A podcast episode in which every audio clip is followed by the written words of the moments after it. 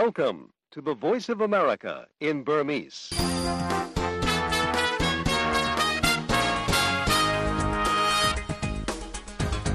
မင်္ဂလာညချမ်းပါသောရရှင်များခင်ဗျာ VOA American တန်ကနေ2024ခုနှစ် February 22ရက်ကြာသပတေးညစီစဉ်တွေကိုမြန်မာစံတော်ချိန်ည9:00နာရီကနေ10:00နာရီထိ Washington DC မြို့တော်ကနေတိုက်ရိုက်စတင်နေပါပြီ။လိုင်းဒိုမီတာ19 25 32အပြင် VOA ရဲ့ website Facebook နဲ့ YouTube တို့ကနေလည်းတစ်ချိန်တည်းထုတ်လွှင့်ချိန်တွင်တိုက်ရိုက်နားဆင်ကြည့်ရှုနိုင်ပါတယ်ဒီညအစီအစဉ်မှုကတော့ကျွန်တော်ဝင်းမင်ပါမင်္ဂလာညချမ်းပါရှင်ကျွန်မကတော့ဆုမြတ်မော်ပါ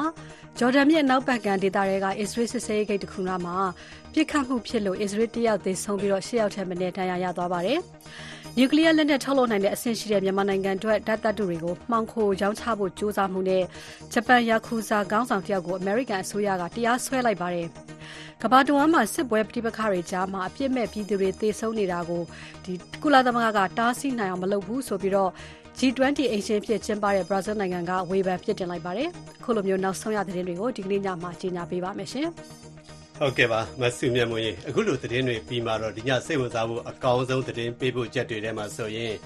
ရှမ်းပြည်တောင်ပိုင်းစီရေးတင်းမာမှုထဲလက်လက်ကြီးကြဒေသခံတွေတင်းရှောင်နေရတာမှာဒေသခံတူကမနေ့ကရွာလေအဲ့ဒီမှာလက်လက်ကြီးပြစ်ထုနေတဲ့နေမမောက်ခမ်းတိုင်ရော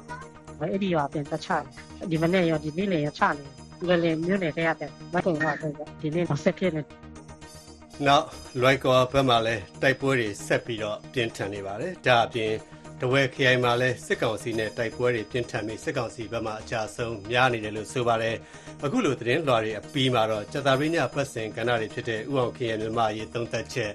နောက်ကျမ်းမာရေးကဏ္ဍနဲ့တိုင်းသတင်းလွှာကဏ္ဍတွေကိုဇက်တိုက်နားဆင်ကြည့်ရှုရဖို့ရှိပါတယ်အခုရင်ဆုံးတော့ထိတ်တရောက်သတင်းတွေကိုမဆုမြတ်မွန်နဲ့ပဲကျွန်တော်ပြောပြပေးပါမယ်ခင်ဗျာ ဂျော်ဒန်မြစ်နောက်ဘက်ကမ်းဒေသတွေကဒီအစ္စရေးစစ်စေးဂိတ်တစ်ခုနားကလမ်းပေါ်ကနေပြီးတော့တနတ်သမား3ယောက်ပြစ်ခတ်လို့အစ္စရေးတယောက်သေဆုံးပြီးတော့6ယောက်ထက်မနည်းဒဏ်ရာရသွားပါတယ်။မနက်9နာရီခွဲရင်ကျော်ပိတ်ချိန်ဂျေရုဆလင်မြို့အရှေ့ဘက်အဝေးပြေးလမ်းမကြီးပေါ်ကနေစစ်စေးဂိတ်မှာစောင့်နေတဲ့ကားတွေကိုမောင်းပြန်တက်တက်တွေနဲ့တိုက်ခိုက်ခဲ့တာဖြစ်တယ်လို့အစ္စရေးရဲတပ်ဖွဲ့ကပြောပါတယ်။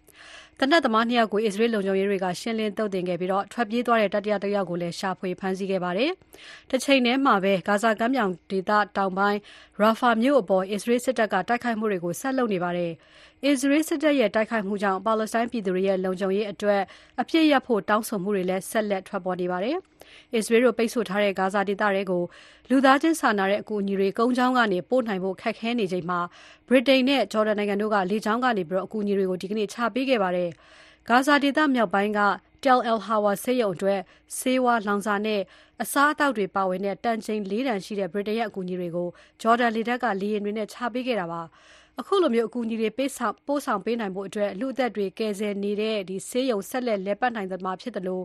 ထောင်နဲ့ချီတဲ့လူတွေကို ကုသပေးနိုင်မှာဖြစ်တယ်လို့ ဗြိတိန်နိုင်ငံသားရေးဝန်ကြီး David Cameron က ကြေညာချက်ထုတ်ပြန်ပြောကြားခဲ့ပါတယ်။ဂါဇာဒေသက အခြေအနေတွေ ဆက်ပြီးတော့ဆိုးဝါးနေပြီး နောက်ထပ်အကူအညီတွေ အများကြီးလိုအပ်နေတယ်လို့လည်း ထုတ်ပြန်ချက်မှာ ပြောထားပါတယ်။လူသားချင်းစာနာတဲ့အကူအညီတွေ ပို့ပေးနိုင်ဖို့နဲ့ Hamas တို့ဖမ်းဆီးထားတဲ့ဒဇာကောင်တွေ ပြန်လည်လွတ်မြောက်ရေးအတွက် တိုက်ခိုက်မှုတွေ ယာယီရပ်ဖို့အတွက်ကိုလည်း ဗြိတိန်အစိုးရက တောင်းဆိုပါတယ်။ဟူသီသူပုန်တွေရဲ့ လက်ချက်ကြောင်းလို့ ယူဆထားတဲ့ မစ်ဆိုင်းဒုံးကြောင့် အေဒင်ပင်လယ်ကွေ့တဲ့သင်္ဘောတစ်စီး မီးလောင်နေပါတယ်။ ယီမင်နိုင်ငံအခြေစိုက် ဟူသီသူပုန်ဖွဲ့ရဲ့ လက်ချက်ဖြစ်တယ်လို့ ယူဆတဲ့ ဒီ မစ်ဆိုင်းဒုံး ထိမှန်မှုကြောင့် ပင်လယ်ကွေ့အတွင်း ဒီနေ့ ဖေဖော်ဝါရီ22ရက်နေ့မှာ သင်္ဘောတစ်စီး မီးလောင်နေတာပါ။အစ္စရေးနိုင်ငံအီလက်စိတ်ကမ်းမြို့အနီးမှာ ဟူသီသူပုန်ဖွဲ့က ပစ်လိုက်တယ်လို့ ယူဆတဲ့ ဒုံးကျည်ကို အစ္စရေးက ကြားဖြတ်တိုက်ခိုက်တဲ့အချိန်မှာပဲ အဲ့ဒီသင်္ဘော တိုက်ခိုက်ခံခဲ့ရတာပါ။အစ္စရေးက ဟာမတ်စ်အပေါ် တိုက်ခိုက်မှုတွေကို ဆန့်ကျင်တဲ့အနေနဲ့ ယီမင်မှာရှိတဲ့ ဟူသီသူပုန်အဖွဲ့က အခုလို တိုက်ခိုက်မှုတွေကို အရှိန်မြင့်လာနေတာပါ။ အမည်ဖော်ပြထားခြင်းမရှိတဲ့အဲဒီသင်္ဘောဟာဒုံးကျည်နှစ်ခုနဲ့ပစ်ခတ်တိုက်ခိုက်ခံခဲ့ရပြီးတဲ့နောက်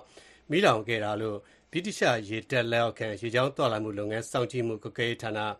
UKMTO ကပြောပါတယ်။တခြားအသေးစိတ်ချက်လက်တွေကိုတော့ UKMTO ကဖော်ပြခြင်းမရှိပါဘူး။မီးလောင်သွားတဲ့သင်္ဘောပါလူကျွန်းမှာမှတ်ပုံတင်ထားတဲ့ Islander ဆိုတာကို AP သတင်းဌာနသင်္ဘောတွေနဲ့ဆိုင်တဲ့အချက်လက်တွေစောင့်ကြည့်လေ့လာရေးဌာနကစုံစမ်းသိရှိခဲ့ရတယ်လို့ဆိုပါတယ်။ ထိုင်းနိုင်ငံက ကုန်ပစ္စည်းတွေတင်ဆောင်ပြီး အီဂျစ်နိုင်ငံကို ဦးတည်သွားနေတဲ့ အဲဒီသင်္ဘောဟာ ဟူသီသူပုန်အဖွဲ့ရဲ့ တိုက်ခိုက်ခြင်းခံရမှာ စိုးရိမ်တဲ့အတွက် သင်္ဘောပေါ်မှာ ဆီးရီးယား လူမျိုးဝန်ထမ်းတွေပါတယ်ဆိုတဲ့ သတင်းစကားကို အစောပိုင်းက ထုတ်ပြန်ခဲ့တယ်လို့ ဆိုပါတယ်ခင်ဗျာ။ရုရှားတပ်တွေက drone 10ခု၊ missile ဒုံးတခုနဲ့ ညလုံးပေါက် တိုက်ခိုက်ခဲ့တယ်လို့ ယူကရိန်းစစ်တပ်က ဒီနေ့ ကြာသပတေးနေ့မှာ ပြောကြားပါတယ်။ Kharkiv မြို့အပါအဝင် နေရာ ၄ ခုအပေါ် တိုက်ခိုက်လာတဲ့ drone 10ခုထဲက ၈ ခုကို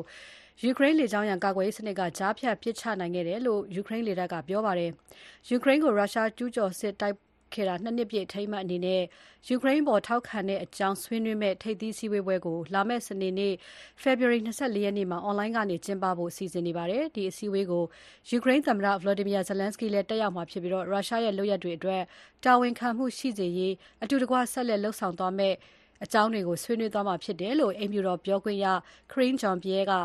မနေ့က သတင်းထောက်တွေကို ပြောကြားခဲ့ပါတယ်။ယူကရိန်းကို ကျူးကျော်မှုနဲ့ ရုရှားအတိုက်အခံခေါင်းဆောင်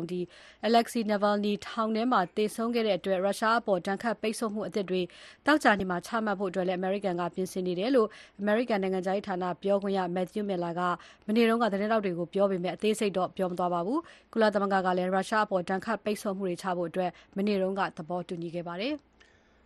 ကမ္ဘာတဝန်းစစ်ပွဲထဲ အပြစ်မဲ့ပြည်သူတွေ အသတ်ခံနေရတာကို ကုလဟန့်တားဖို့ ပျက်ကွက်နေတယ်လို့ ဘရာဇီးနိုင်ငံက ဝေဖန်လိုက်ပါတယ်။ကမ္ဘာတဝန်း စစ်ပွဲနဲ့ ပဋိပက္ခတွေကြားခုလို အသတ်ခံရတာကို ကုလသမဂ္ဂအနေနဲ့ ဟန့်တားဖို့ ပျက်ကွက်တယ်လို့ဆိုပြီး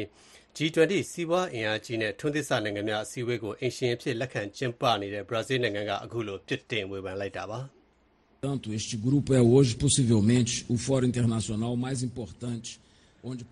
နိုင်ငံတကာအဖွဲ့အစည်းတွေဟာလက်ရှိဖြစ်ပွားနေတဲ့ကမ္ဘာပေါ်ကစိန်ခေါ်မှုတွေကိုကိုင်တွယ်ဖြေရှင်းတဲ့အနေအထားမရှိသလိုလုံခြုံရေးကောင်စီအနေနဲ့လည်းဖြေရှင်းနိုင်စွမ်းမရှိတာလက်ခံနိုင်စရာအကြောင်းမရှိကြောင်းနဲ့အဲဒီလိုလုပ်နိုင်စွမ်းမရှိတဲ့အခြေအနေတွေကြောင့်အပြစ်မဲ့ပြည်သူတွေအသက်ပေါင်းများစွာဆုံးရှုံးနေရကြောင်းဘရာဇီးနိုင်ငံခြားရေးဝန်ကြီး Mauro Vieira က၂ရက်ကြာကျင်းပနေတဲ့အစည်းအဝေးထဲဒီနေ့ပြောဆိုသွားတာပါ။ဒီ G20 နိုင်ငံတွေရဲ့နိုင်ငံခြားရေးဝန်ကြီးများစည်းဝေးပွဲကို အမေရိကန်နိုင်ငံခြားရေးဝန်ကြီး Antony Blinken နဲ့ ရုရှားနိုင်ငံခြားရေးဝန်ကြီး Sergey Lavrov တို့လည်း တက်ရောက်နေကြပါတယ်။အမေရိကန်နဲ့ ရုရှား နှစ်နိုင်ငံ နိုင်ငံခြားရေးဝန်ကြီးတွေ အလွတ်သဘော မျက်နှာချင်းဆိုင် ဆွေးနွေးနိုင်တဲ့ အခွင့်ကောင်းတခုလို့ ဖြစ်နိုင်ကြောင်းလည်း သတင်းတွေမှာ ဖော်ပြနေကြပါတယ်ခင်ဗျာ။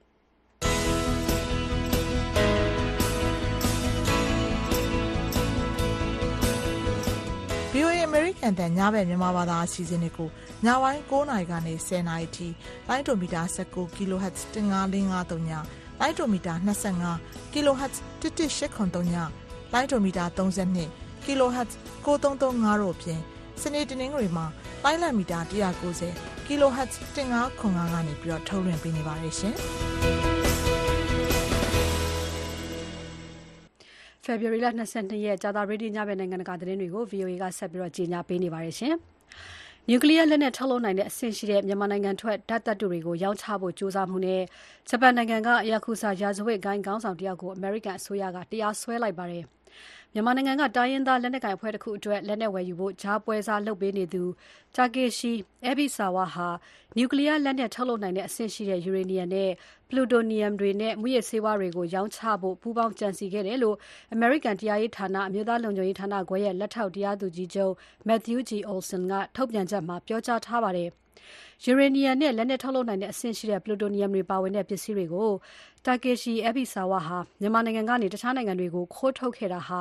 ရဲတင်းတဲ့လုပ်ရပ်ဖြစ်တယ်လို့ New York တောင်ပိုင်းခရိုင်တရားရုံးက အစိုးရရှေ့နေ Damian Williams ကလည်း ပြောကြားခဲ့ပါတယ်။တရားရုံးမှတ်တမ်းတွေအရ အသက် ၆၀ အရွယ် Ebisawa နဲ့ သူနဲ့အမှုတွဲတူအသက် ၆၁ နှစ်အရွယ် Sompong Singhasari တို့ကို နိုင်ငံတကာ မူးယစ်ဆေးနဲ့ လက်နက်မှောင်ခိုကူးမှုဆိုင်ရာ ဥပဒေတွေနဲ့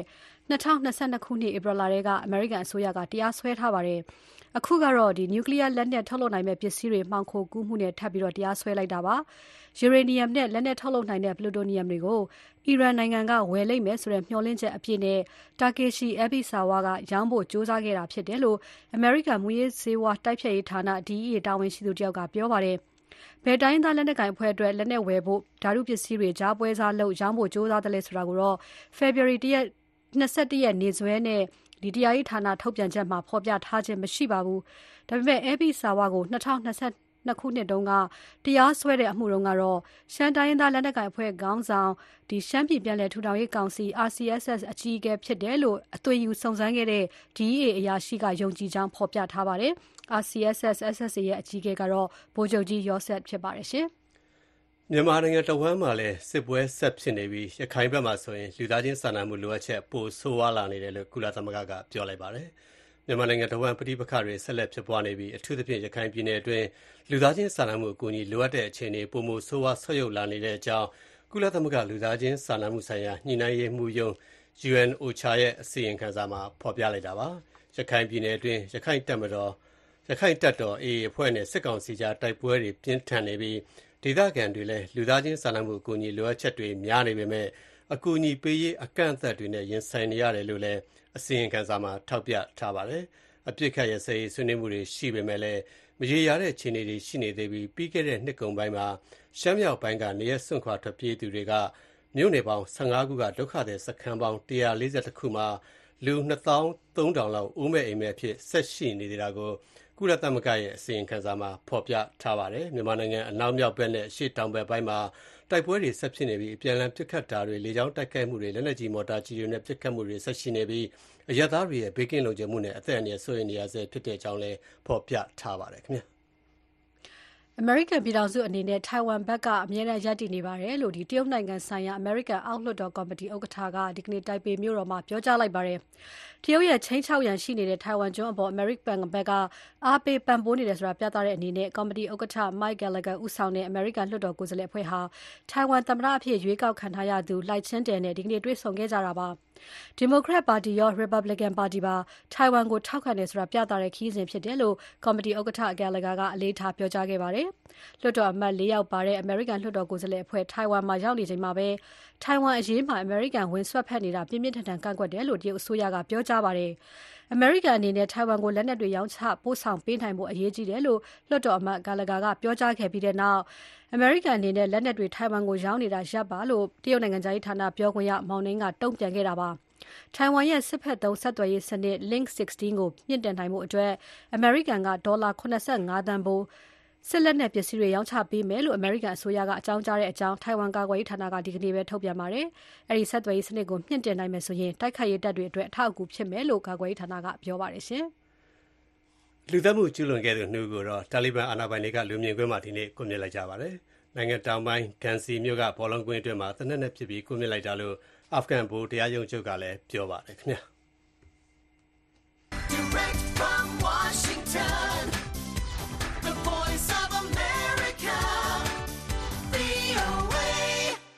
VOA American တန်ရဲ့ February 22ရက် ကြာသပတေးည သတင်းတွေကိုမဆုမြတ်မွန်နဲ့ပြောပြပေးခဲ့တာပါ အခုဆက်ပြီးတော့စိတ်ဝင်စားစရာ အကောင်းဆုံး သတင်းပေးပို့ချက်တွေကိုစက်တိုက် ပြောပြပေးပါမယ် ပထမဆုံးကတော့ ရှမ်းပြည်နယ်တောင်ပိုင်းစီးတင်မာမှုကြောင့် လက်လက်ကြီးတွေကြဒေသခံတွေတင်းရှောင်နေရတာပါ လွိုင်လင်မြို့နယ်နန့်ဘော်ခမ်းကျေးရွာဘက်မှာပြစ်ခတ်တိုက်ခိုက်မှုတွေ ဆက်လက်ဖြစ်ပွားနေတယ်လို့မိုင်းပွန်မြို့ဘက်ကိုလည်းစင်ရဖြစ်တင်တာတွေ ရှိနေကြောင်း ဒေသခံတွေက ပြောနေပါတယ်။ ဒီနေ့မှလည်းတိုက်ပွဲတွေဆက်လက်ဖြစ်ပွားနေတာကြောင့်တောင်ကြီးဟိုပုံမိုင်းပွန်လွယ်လင်တကြောမှာကားလမ်းတွေပိတ်ထားကြောင်းနဲ့တချို့ကျေးရွာကပြည်သူတွေကတော့ဘေးလွရာကိုတင်းရှောင်နေကြပါတယ်။ဒီရှမ်းပြည်နယ်တောင်ပိုင်းကဟိုပုံမိုင်းပွန်ဒေသတိုက်ပွဲသတင်းကိုကိုစီသူပြောပြပေးပါအောင်ခင်ဗျာ။ဟိုပုံးမြို့နယ်အတွင်းမှာစစ်ကောင်စီနဲ့ပြည်သူ့စစ်ပူးပေါင်းတပ်တွေနဲ့ပအိုးအမျိုးသားလွတ်မြောက်ရေးတပ် PNLA အကြားတိုက်ပွဲတွေဟာဒီလ20ရက်နေ့ကစတင်ခဲ့ပြီးတော့21ရက်နေ့မှာတော့လွိုင်လင်မြို့နယ်ဘက်မှာပါတိုက်ပွဲတွေဖြစ်ပွားခဲ့တာပါ ဒီကနေ့မှာလည်းလွိုင်လင်မြို့နယ်မိုင်းပုံမြို့အနီးမှာရှိတဲ့နန့်ဘော်ခမ်းရွာဘက်မှာတိုက်ပွဲတွေဆက်လက်ဖြစ်ပွားနေတယ်လို့မိုင်းပုံဘက်ကိုစစ်ကောင်စီကတပ်အင်အားတွေပို့ဆောင်နေကြောင်းဒေသခံတအူးက VOA ကိုပြောပါတယ်မနေ့ကရွာလေအဲ့ဒီမှာလက်နဲ့ကြီးပြစ်ထုနေတဲ့နေနန့်ဘော်ခမ်းတန်ရွာအဲ့ဒီရွာပြန်တချတယ်ဒီမနေ့ရောဒီနေ့လည်းရချနေတယ်လေလေမြို့နယ်ထဲရတဲ့မိုင်းပုံကဆိုတော့ဒီနေ့ဆက်ဖြစ်နေလက်နဲ့ကြီးကဒီပွန်ချောင်းနောက်ဖက်လာနေအဲ့ဒီအရှိဖက်ချောင်းချတယ်နောက်ပြီးတော့မှပွန်ချောင်းကနေလည်းချတယ် တန်ချက်ကမင်းညကလည်းသွားလိုက်တာစီတုံး40တယ်ဒီလာဆန်ကနေမိုင်းပုံဖက်သွားပြီးဘယ်ဖက်ကိုတတ်ဖြစ်မလဲလို့မသိဘူးအဲ့ဒီမိုင်းစိတ်မိုင်းစိတ်ဖက်ကိုမင်းကတန်ချက်ကကားဒီစီစင်းသွားတယ်ဟိုလမ်းဖက်မိုင်းစိတ်အဲ့ဒီဖက်ကတော့မင်းကတော်တော်လေးအားဖြည့်ကြတယ်ဒီကနေ့တိုက်ပွဲတွေဆက်လက်ဖြစ်ပွားတာကြောင့်ဟိုပုံးမိုင်းပွန်နဲ့လွိုင်လင်တကြောမှာကားသွားလာတွေကိုပိတ်ထားကြောင်းဟိုပုံးမြို့နယ်ထန်ဆန်းကူနဲ့မိုင်းပွန်ဒေသတဝက်မှာလေးမြန်ပြန်ဝဲတာတွေရှိကြောင်းအခြားဒေသခံတွေကပြောပါတယ်။ ပအိုးအမျိုးသားလူမျိုးရေးတပ် PNL ရဲ့ ပြောရေးဆိုခွင့်ရှိသူ ခွန်ရှိုင်းရန်က မနေ့က ဟိုပုံးမြို့နယ်အတွင်းမှာ တိုက်ပွဲဖြစ်ခဲ့ကြောင်းနဲ့ ဒီကနေ့တော့ သတင်းတက်လာတာ မရှိသေးကြောင်း ပြောပါတယ်။မနေ့ကတော့ဒီဟိုပုံးမြို့နယ်အခြေပြချမ်း တနေရာမှာ စစ်ကောင်စီနဲ့အပီတူစစ်ပူပေါင်းတပ်ဖွဲ့က ကျွန်တော်တို့ PNNA လုံခြုံရေးစစ်ကြောင်းကို လာရောက်တိုက်ခိုက်လို့ တိုက်ပွဲဖြစ်ပွားခဲ့တာ ရှိပါလေအဲ့ဒီတိုက်ပွဲဖြစ်ပွားမှုမှာတော့အာစစ်ကောင်စီနဲ့ PNO ပြည်သူစစ်အာအလောင်းလေးလောင်းကြန့်ရှိခဲ့ပါတယ်ပြီးတော့အာလက်နေငယ်လေးလက်နဲ့ကားတစီ60မမလက်နေကြီးတလက်နဲ့ကြီးစံခဲရံတွေအချို့ကိုတင်ဆက်ရမိခဲ့တာရှိပါတယ်ဒီကနေ့အခြေအနေကတော့ဒီမီပင်ကနေအစီရင်ခံလာတာမရှိသေးပါဘူးခင်ဗျာဟိုပုံးနဲ့လွမ်လင်မြို့နယ်အဆက်ဒေသမှာ၃ရက်ကြာဖြစ်ပွားတဲ့တိုက်ပွဲကြောင့်အချို့ကြေးရွာတွေရွာလုံးကျွတ်ထွက်ပြေးနေကြကြောင်းလဲပအို့လူခွင့်ရေးလှုပ်ရှားသူတူကအခုလိုပြောပါတယ်ပြီးခဲ့တဲ့ရက်ကပေါ့လေနော် တိုက်ပွဲတွေစဖြစ်တော့ဟိုဘက်မှာနောင်အေဘက်မှာကတိုက်ပွဲတော့မဖြစ်ပေမဲ့လေဒီဘုံလာပြမလာလာကျဲတဲ့မျိုးရှိတော့အဲ့ဒီဘက်ကဒေတာခံကထပ်ပြီးတင်းချောင်ရတဲ့တချို့ကကြတော့လေဒီဟိုပုံဖက်ကိုစင်းပြောမကြည့်လာတဲ့ဟာလေးရှိတယ်တချို့ကကြတော့လေမိုင်းပေါ်နန်းဆန်ဖက်ကို အာတပီတင်းချောင်းတဲ့ data ခန့်နေလည်းရှိတယ်ပေါ့လေနော်အဲ့ဒါအခုလုံးလုံးဆယ်တော့အဲ့ဒီပိတ်ထားတဲ့အနေအထားမျိုးမှာတော့ရှိတယ်ဒီစီကောင်စီကနေမှကိုစစ်စစ်မြင်းမြန်းတာမျိုးတွေတော့ရှိတယ်ရှင်ဟုတ် ပုံအေကြေးရွာရေပြီးတော့မှအဲ့ဒီနီးနီးဆက်ရ data ကလူတွေပေါ့လေနော်ကြိုပြီးတော့မှရှောင်ထားတဲ့အခြေအနေအနေထားမျိုးမှာတော့ဖြစ်တယ်ရှင်အဲဒီပုံအေနာအမျိုးတော်ဝိုက်ကြေးရွာတွေမှာတော့ရွာလုံးကျွတ်နေပါတော့အကုန်လုံးရှောင်ကြတယ်အဓိကတော့ရွာမှာကတက်ကြီးရဲ့အိုနဲ့ရှောင်ဖို့အတွက်အဆင်မပြေတော့တဲ့လူတွေပဲကြံခဲ့တယ်ရှင်ဒီကနေ့မှာတော့လဲချားနဲ့ပင်လုံကားလမ်းအနောက်ဘက်စနင်းတောင်ကျောမှာလဲလက်နက်ကြီးပစ်ခတ်တံတွေကြားနေရကြောင်းဒေသခံတချို့ကပြောဆိုပေမဲ့ တိကျအတီးပြုတ်နိုင်တာတော့ မရှိပါဘူး အဲ့ဒီ စနင်းတောင်ကျောဘက်မှာတော့ ရှမ်းပြည်တိုးတက်ရေးပါတီ SSPP ရဲ့ တပ်ဖွဲ့တွေ နေရာယူထားတာလည်း ဖြစ်ပါတယ် လက်ရှိ ရှမ်းပြည်နယ်တောင်ပိုင်း ဟိုပုံးစီဆိုင်ဒေသ တိုက်ပွဲတွေဟာ ဇန်နဝါရီလ21ရက်နေ့က စတင်ဖြစ်ခဲ့တာပါ ဇန်နဝါရီလ24ရက်မှာတော့ PNL တပ်ဖွဲ့တွေကစီဆိုင်မြို့ကို သိမ်းယူခဲ့ပြီးတဲ့နောက် တိုက်ပွဲတွေ ပြင်းထန်လာတာကြောင့်စီဆိုင်မြို့နယ်က ဒေသခံ အနည်းဆုံး9000ခန့်ဟာ နေရစွန့်ခွာ ထွက်ပြေးနေကြရပါတယ်ခင်ဗျာ ရှမ်းပြည်နယ်တောင်ပိုင်း စစ်ရေးတင်မာတဲ့ တိုက်ပွဲတွေနဲ့လက်နက်ကြီးအများစွာကျပြီးတော့ဒေသခံတွေတင်းရှောင်နေရတာကို ကိုစီသူပြောပြခဲ့တာပါ အခုတော့ ဒေသခေါ်ကင်းနီကရဘက် လွိုက်ကော်ဘက်မှာလည်း တိုက်ပွဲတွေ ဆက်ပြင်းထန်ပြီးမိရှုမှုတွေပါ ရှိနေတာပါ စစ်ကောင်စီတပ်နဲ့ကင်းနီပူးပေါင်းတပ်တို့ကြား နှစ်ဖက်တိုက်ပွဲပြင်းထန်နေတဲ့ကရဒေသခေါ်ကင်းနီပြည်နယ် လွိုက်ကော်မြို့မှာ ဒီနေ့အထိ ဆက်တိုက်ပွဲဖြစ်ပွားနေတယ်လို့ကင်းနီမျိုးသားများကာကွယ်ရေးတပ် KNDF က VOA ကို ပြောပါတယ် ဖေဖော်ဝါရီလ21ရက်နေ့မနေ့မနက်ပိုင်းလောက်မှာပြစ်ခတ်မှုဖြစ်ပြီး နောင်ရရက်ကွက်က နေတချို့ကို စစ်ကောင်စီတပ်ကမိရှို့ဖျက်ဆီးလိုက်တယ်လို့ ဒေသခံတွေက ပြောပါတယ် ဒီအကြောင်း ရန်ကုန်က သတင်းပေးပို့ထားတာကို အခြေခံပြီး အလိမ္မာပြောပြပေးပါအောင်ခင်ဗျာ တလေးလုံးစစ်စင်ရေးစတင်ကလေးကစစ်ကောင်စီတပ်နဲ့ဂရီဒီပူပေါင်းတပ်တို့ကြားလက်ဖက်တိုက်ပွဲပြစ်ထတ်နေတဲ့ရိုက်ကော်မြို့မှာဒီကလေးထိလေးစင်တဲ့ပြတိုက်ပွဲဆက်လက်ဖြစ်ပွားနေတဲ့အကြောင်းဂရီဒီအမျိုးသားများကာကွယ်ရေးတပ် KNDF က VOA မြန်မာပိုင်းကိုပြောပါတယ်။ ဖေဖော်ဝါရီလ22ရက်မနေ့မနက်ပိုင်းလောက်မှာမြို့ပေါ်ရက်ကွက်ကနေတချို့ကိုစစ်ကောင်စီကမီးရှို့ဖျက်ဆီးလိုက်တယ်လို့ကရီလီအမျိုးသားပြကာကွယ်ရေးတပ် KNDF ရဲ့ဗဟိုပြန်ကြားရေးတာဝန်ရှိသူတာအဲဆူက VOA မြန်မာပိုင်းကိုပြောပါတယ်လက်ကော်မှာတော့ဒီတိုက်ပွဲကနေ့စဉ်နဲ့အများဖြစ်နေတယ်ပေါ့နော်စစ်ကောင်စီတပ်ဘက်ကဒါလက်ကော်မြို့သိမ်းမှာလှုပ်ရှားနေတာမျိုးတွေရှိတဲ့အတွက်ဒါတိုက်ပွဲတွေပြန်ဖြစ်တယ်ဟွန်းစစ်ကောင်စီတပ်ကဒါနောင်ရရက်ွက်တွေထိတာလာပြီးတော့မီးလာရှို့တာမျိုးတွေရှိတယ်ပေါ့နော်ဆိုတော့ဒီတိတိတွဲတိုက်ပွဲတွေကဟိုနေ့တိုင်းလိုလိုနေပါရှိတယ်ပေါ့နော်။နောက်ရရက်ကွက်မှာစစ်ကောင်စီဘက်ကတပ်ဆွဲထားတာကြောင့်မြေပြင်အခြေအနေသွားမကြည့်နိုင်သေးဘူးလို့ KNDF ကဆိုပါတယ်။မြေပြင်ရောက်ရှိခဲ့တဲ့ကရီတီလူခွေရေးတီထောင်သူကိုပညာကမနေ့ကမီးလောင်တဲ့အခြေအနေနဲ့ပြစ်ခတ်ဖို့အခြေအနေကိုအခုလိုပြောပါတယ်။လက်ကောမြို့မှာအဲနည်းလေးဟိုပြခတ်တက်ခိုက်မှုတွေရှိတယ်နောက်မီးလောင်မှုတွေတော့ရှိတော့ဒါ တေးသေးတော့ကျွန်တော်လည်းမတိတိဘူးဖြစ်နေတာကျွန်တော်ကနိခင်းလောက်မှာပဲအဲဒီလက်ကောနဲ့နှီးတဲ့နေရာရောက်တော့အတန်နေကြားတော့ဗောနော်မီးလောင်တာတွေ့တော့ဗောနော်အော်ဒါပေမဲ့ဘယ်ချင်းဆက်ဖြစ်တော့ကျွန်တော်ဒီဒါပေမဲ့ကြားတာကတော့ဟိုဟိုမနစ်စောကြီးကလေးကအတန်ကြားတယ်ဆိုတော့ဟာတော့ဟိုတီးရတော့ဗောနော်အနီအနီနာပေါ့ချင်းလူမီတော့ဒါပေမဲ့ဟိုကျွန်တော်လက်ကောထေဦးဝင်တဲ့ချိန်မှာတော့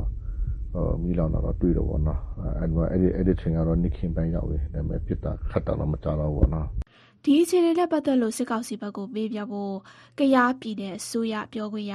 ဦးအောင်ဝင်းဦးကိုဆက်သွယ်ခဲ့ပေမဲ့ဆက်သွယ်လို့မရခဲ့ပါဘူး။စစ်ကောင်စီဘက်ကလည်းတစုံတရာထုတ်ပြန်လာမရှိသေးပါဘူး။ပြည်ပြည်အခြေအနေတွေပေးပြနိုင်ဖို့ဒေသခံတွေကိုဆက်သွယ်ခဲ့ပေမဲ့စီရေးပြစ်ထန်တဲ့ကရီဒီဒေသအများစုကိုစစ်ကောင်စီကဖုန်းလိုင်းဖြတ်တောက်ထားတာကြောင့်ဆက်သွယ်လို့မရပါဘူး။2023ခုနှစ်နိုဝင်ဘာလ17ရက် တစ်လေးလုံးစစ်စင်ရေးတိုက်ပွဲဟာအခုဆိုရင်၄လလောက်ရှိလာပြီဖြစ်ပြီးတော့အခုဆိုရင်ကရားဒေသတစ်ခုလုံးနီးပါးအပြင်လွိုင်ကော်မြို့ရဲ့နေရာတော်တော်များများကိုလည်းဂရီဒီတပ်ပေါင်းစုတွေဘက်ကထိတ်ချုပ်ထားနိုင်သလိုမြို့ကိုလည်းဝန်းရံပိတ်ဆို့ထားတာပါအခုအခါစစ်ကောင်စီဘက်နေရာတချို့ကိုပြန်လည်ရယူဖို့စ조사လာတာကြောင့်နေ့စဉ်ဆိုသလိုတိုက်ပွဲဆက်လက်ဖြစ်ပွားနေတယ်လို့ KNDF ကဆိုပါတယ်။ ဒီလင်းလုံးတိုက်ပွဲအတွင်းမှာစစ်ကောင်စီဘက်ကလက်လက်ကြီးနဲ့ရောလေကြောင်းကပါအပြင်းထန်ခတ်တိုက်ခိုက်နေတာပါ။ဒီတိုက်ခတ်မှုကြောင့်အယက်သားအများအပြားသေကျေရသလိုနေအိမ်ဖုန်ကြီးကျောင်းနဲ့ဈေးအပါဝင်ရာနဲ့ချီပြီးတော့ထိခိုက်မီးလောင်ခဲ့တယ်လို့ KNDF ဗဟိုပြန်ကြားရေးတာဝန်ရှိသူတာအဲဆိုးကပြောပါတယ်။အဆောက်အဦတွေမိလောင်တာတွေကတော့ကျွန်တော်တို့ဈေးရင်အတိအကျတော့မရှိဘူးပေါ့နော်ဒါပေမဲ့ယာကနန်းတော့ရှိနိုင်တယ်ကာလတန်ဖိုးအနေနဲ့ကတော့ကျွန်တော်တို့ အတိအကျမပြောနိုင်ဘူးပေါ့နော်ဈေးနှစ်ခုမိလောင်တယ်အဲနောက်ပြီးတော့ဒီဘုံကျောင်းတွေပေါ့နော်ဘုရားဘာသာဘုံကျောင်းတွေလည်းမိလောင်တယ်ပေါ့ဆိုတော့ဈေးကတော့နှစ်ခုဖြစ်ပါတယ်ဟိုတုန်းကစီကားလာတဲ့ပြည်နယ်မြို့တော်လွိုက်ကော်ဟာအခုတော့ဈေးနဲ့နေတွေမီးလောင်ပျက်စီးပြီးတဲ့နောက်မြို့ပြတ်တပွဲဖြစ်နေပါပြီ။မြို့မှာဆက်လက်နေထိုင်ဖို့ကလည်းအသက်အန္တရာယ်လုံခြုံမှုရှိပဲကြောက်လန့်နေကြရတာမို့ဒေသခံအများစုကဘေးကင်းတဲ့ဒေသတွေစီကိုပြောင်းရွှေ့နေထိုင်နေကြရပါတယ်ရှင်။ ကယားပြည်နယ်မြို့တော် လွိုင်ကော်မြို့ထဲမှာပါ တိုက်ပွဲတွေ ဆက်ပြင်းထန်နေပြီးတော့နောင်ရရပ်ကွက်ထဲမှာဆိုရင် နေအိမ်တချို့ကို စစ်ကောင်စီကမိရှို့ဖျက်ဆီးလိုက်တာမှာ ထိခိုက်ဒဏ်ရာရ သေဆုံးမှုတွေရှိခဲ့တာကို အလိမ္မာပြောပြခဲ့တာပါ အခုတော့တဝဲခရိုင်မှာလည်း စစ်ကောင်စီနဲ့ တိုက်ပွဲပြင်းထန်ပြီးတော့စစ်ကောင်စီဘက်မှအကြအဆုံးများနေတာပါ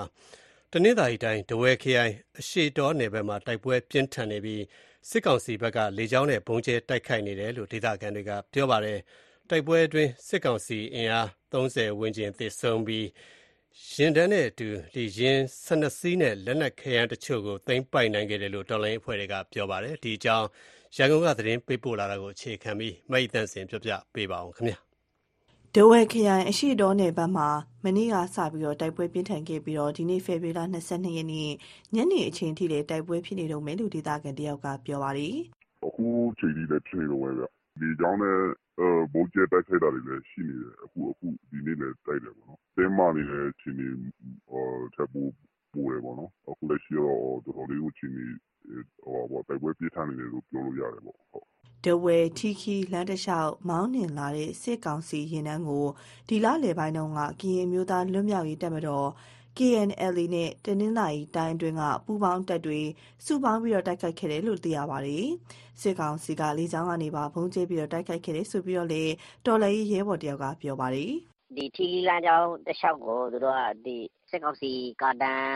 18စီးပါတယ်ပေါ့နော် အဲ့ဒီကာတန်နဲ့ အင်အား300လောက်နဲ့ သူတို့ကဝင်တယ် အဲ့ဒီထီခီဘက်ကို သူတို့က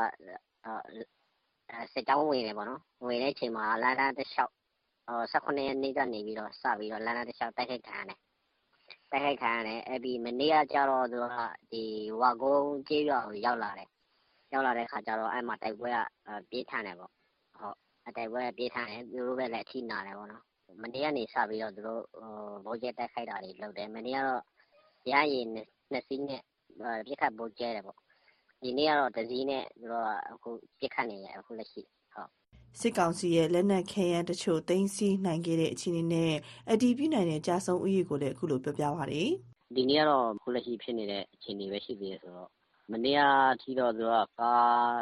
ဟိုသူတို့ရင်တန်းကားပေါ့နော်12စီး သိန်း12စီးသိန်းစီးရမိရပါတော့သိန်းစီးရမိတယ်ဆိုတော့9စီးကတော့ မီးလောင်သွားတယ်ပေါ့အာပျက်စီးသွားတယ်ပေါ့ဟုတ်ဟောအဲ့ပြီးတော့သူတို့သူတို့ဘက်ကရလိုက်တဲ့အဲလက်နက်ခရမ်းတွေလည်း ရတယ် စက်ကောင်စီဘက်ကအာတော်တော်များများ ထိခိုက်သိဆုံးရှိတယ်ပေါ့နော်30လောက်တော့ အနည်းဆုံးဟိုဟိုပေါ့သိဆုံးတယ်လို့တည်ပြီးလို့ ရတာပေါ့ဟုတ်ဟိုနှစ်ဖက်အဲထိခိုက် သိဆုံးရှိတယ်လို့အဲ့တော့အဲ့လိုမျိုးပဲပြောလို့ရမယ်ဗျဒီနေ့ညနေအချိန်ထိတိုက်ပွဲပြင်းထန်နေပြီးတော့လေကြောင်းကနေဘုံကျဲတာတွေလည်းရှိနေတယ်ဆိုပြီးတော့သိရပါတယ်။နောက်ဆက်တွဲအခြေအနေကိုတော့ဆက်ပြီးတော့စုံစမ်းနေစေဖြစ်ပါတယ်။စစ်ကောင်စီဘက်ကတော့အခုဖြစ်ပွားနေတဲ့တင်းသာရီတိုင်းဒဝဲခရိုင်အတွင်းကတိုက်ပွဲနဲ့ပတ်သက်လို့တစုံတရာထုတ်ဖော်ပြောဆိုတာမရှိသေးပါဘူးရှင်။ဒီတဝဲခရိုင်ဘက်မှာစစ်ကောင်စီနဲ့တိုက်ပွဲပြင်းထန်ခဲ့ပြီးစစ်ကောင်စီကြဆုံးများခဲ့တာကိုမိုက်တန်စင်ပြောပြခဲ့တာပါအခုတော့ရခိုင်ပြည်နယ်ဘက်မှာတော့ နေရပြန်လူငယ်တချို့ဖမ်းဆီးထိန်းသိမ်းခံရတာပါရရခိုင်ပြည်နယ်ကိုလေကြောင်းကနေပြန်လာတဲ့ခရီးသည်တွေကိုပြီးခဲ့တဲ့ဖေဖော်ဝါရီလ၁၉ရက်နေ့ကစပြီးစစ်ကောင်စီကဖမ်းဆီးစစ်ဆေးနေတာပါ။အာဏာသိမ်းစစ်ကောင်စီရဲ့စစ်မှုမထမ်းမနေရဥပဒေပြဋ္ဌာန်းပြီးတဲ့နောက်နေရပ်ကိုအခုလိုပြန်လာကြတာမှာဖမ်းဆီးခံရသူတွေထဲကသက်ကြီးပိုင်းတွေနဲ့ကလေးတွေကိုပြန်လွှတ်ပေးတာရှိပေမယ့်စစ်မှုထမ်းဥပဒေနဲ့ကိုက်ညီတဲ့လူငယ်တွေကိုတော့ဒီနေ့အထိဖမ်းဆီးထားဆဲဖြစ်တယ်လို့ ဖမ်းခံထားရသူတွေရဲ့ မိသားစုဝင်တွေက ပြောပါတယ်။ဒီအကြောင်း ရန်ကုန်ကပေးပို့လာတဲ့သတင်းအပြည့်အစုံကို အခြေခံပြီး ကိုခင်မောင်စိုးမင်းပြောပြပေးပါဦးခင်ဗျာအာနာသိန်းစစ်ကောင်စီက ဒီလအတွင်းမှာပဲ စစ်မှုမထမ်းမနေရ ဥပဒေကို ပြဋ္ဌာန်းလိုက်တာကြောင့် ပြည်မဘက်မှာရှိနေတဲ့ ရခိုင်ဒေသခံ လူငယ်တွေဟာ စစ်မှုထမ်းရမှာ စိုးရိမ်တာကြောင့် စစ်ရေးအရာနေရာအတော်များများကိုအေးအေးထိန်းချုပ်ထားတဲ့ မိမိနေရပ်ကို ပြန်လာနေကြပါတယ်။ ဒါအပြင်ရခိုင်ဒေသမှာ တပ်စခန်းတွေ ရာနှဲချီ ဆုံးရှုံးနေပြီး စစ်ကောင်စီတပ်ဖွဲ့ဝင်တွေ သေဆုံးမှုများနေချိန်မှာပဲ ပြည်မဘက်မှာရှိနေကြတဲ့ ရခိုင်ဒေသခံတွေကို ထွက်သွားကြဖို့နဲ့ ရခိုင်ဆိုင်တွေမှာ အားမပေးကြဖို့နဲ့ လူမျိုးရေးဝါဒဖြန့်တာတွေ ရှိနေတာကြောင့် ရခိုင်ဒေသခံတွေအကြား စိုးရိမ်ပြီး နေရပ်ပြန်ကြတာဖြစ်ပါတယ်။ဒါပေမဲ့ နေရပ်ပြန်လာကြတဲ့သူတွေကို ပြီးခဲ့တဲ့ ဖေဖော်ဝါရီ ၁၉ ရက်နေ့က စတင်ပြီးတော့ စစ်ကောင်စီက ဖမ်းဆီးစစ်ဆေးပြီးတဲ့နောက် သက်ကြီးပိုင်းတွေနဲ့ ကလေးငယ်တွေကို ပြန်လွှတ်ပေးတာတွေ ရှိတယ်လို့ ဖမ်းဆီးခံရသူတွေရဲ့ မိသားစုဝင်တွေက ပြောပါတယ်။စစ်မှုထမ်းဥပဒေနဲ့ ကိုက်ညီတဲ့ လူငယ်တွေကိုတော့ ပြန်မလွှတ်သေးဘူးလို့ ကျောက်ဖြူမြို့မှာ ဖမ်းဆီးခံရတဲ့ လူငယ်တဦးရဲ့အကိုဖြစ်သူက ပြောပါတယ်။ဒီအောင်ကနေ ပြန်လာတော့19ရက်နေ့2လပိုင်း2024ပေါ့နော်2လပိုင်းက ဟုတ် တော့ဟုတ်အော်တော့တည်းဟုတ်တော့တည်းဆိုရင်လေသူသူက ဘယ်လိုပြောမလဲပေါ့ဒီအင်ထောင်ဦးစင်းရောဟွာရောဟိုနဲ့တော့တီးပြီးပါပြီခင်ဗျာအဲ့ဒါဒါပေမဲ့အဲ့ဒါတွေကဟိုမရသေးဘူးခင်ဗျာအမခံကအမခံမဲ့လူတွေလေးရှိရဲ့အဲသူ့ရဲ့ အိမ်ရှင်မကိုကိုယ်တိုင်ရောရှိရဆိုတာတော့ မရဘူးပေါ့နော်အဲ့လိုပုံစံစစ်ကောင်စီအနေနဲ့ အခုလို နေရပြန်လာတဲ့သူတွေကို ဘာကြောင့် ဖမ်းဆီးတယ်ဆိုတာ မသိရပေမဲ့ စစ်ဆေးပြီးတော့ အပြစ်မရှိတဲ့သူတွေကို ပြန်လွှတ်ပေးစေချင်တယ်လို့ သူက ဆက်ပြောပါတယ် အမှန်ဆိုရင် သူတို့က ဟိုအပြစ်ရှိရလူတွေလည်းမဟုတ်ဘူးအပြစ်လောက်ထားတဲ့သူတွေကတခုလောက်ထားရဆိုရင်မဟုတ်ပေါ့နော်အဲ့လိုမျိုးဖမ်းထားတာဆိုတော့သူကဘာကိုလိုချင်လဲဆိုတော့အဲ့လိုမျိုးဒီစင်ခံဝင်တိုက်ညီလို့ဒီတိုက်ညီလို့အဲ့လိုမျိုးဖမ်းထားတာလားအဲ့လိုမျိုးလေးချိန်မိတာပေါ့နော်ဒါပေမဲ့သူတို့စီကနေဒီငွေများအာတောက်မလားလို့ပေါ့နော်ကျွန်တော်အချိန်ကတော့ဟုတ်ကဲ့အဲအဲအဲ့ပုံကြောင့်လည်းဖမ်းထားတာလားပတ်စံပြီးတော့လက်မှာလားအဲ့လိုပုံစံမျိုးလေးဟိုဟွာဖြစ်တာပေါ့စိုက်ကထင်တာကြတော့ မဟုတ်ဘူးဆိုတော့ သူတို့အဖန်ဟိုလှလှပြီးမရှိဘူးဆိုရင်တော့ဒီလွှတ်လိုက်သေးဘူးပေါ့နော်သူတို့ဟုတ်အဲ့လိုမျိုးထင်ပါတယ်ကိုဟုတ်စစ်ကောင်စီအနေနဲ့ စစ်မှုမထမ်းမနေရ ဥပဒေထုတ်ပြန်ပြီးနောက်ပိုင်း နေရပြန်လာကြတဲ့ ရခိုင်ဒေသခံ လူငယ်တွေဟာရခိုင်တပ်တော် AA တဲကို ဝင်ရောက်သွားမှာ စိုးရိမ်တယ်လို့သူတို့ပြဋ္ဌာန်းထားတဲ့ စစ်မှုထမ်းဥပဒေ မအောင်မြင်ကို စိုးရိမ်တာကြောင့်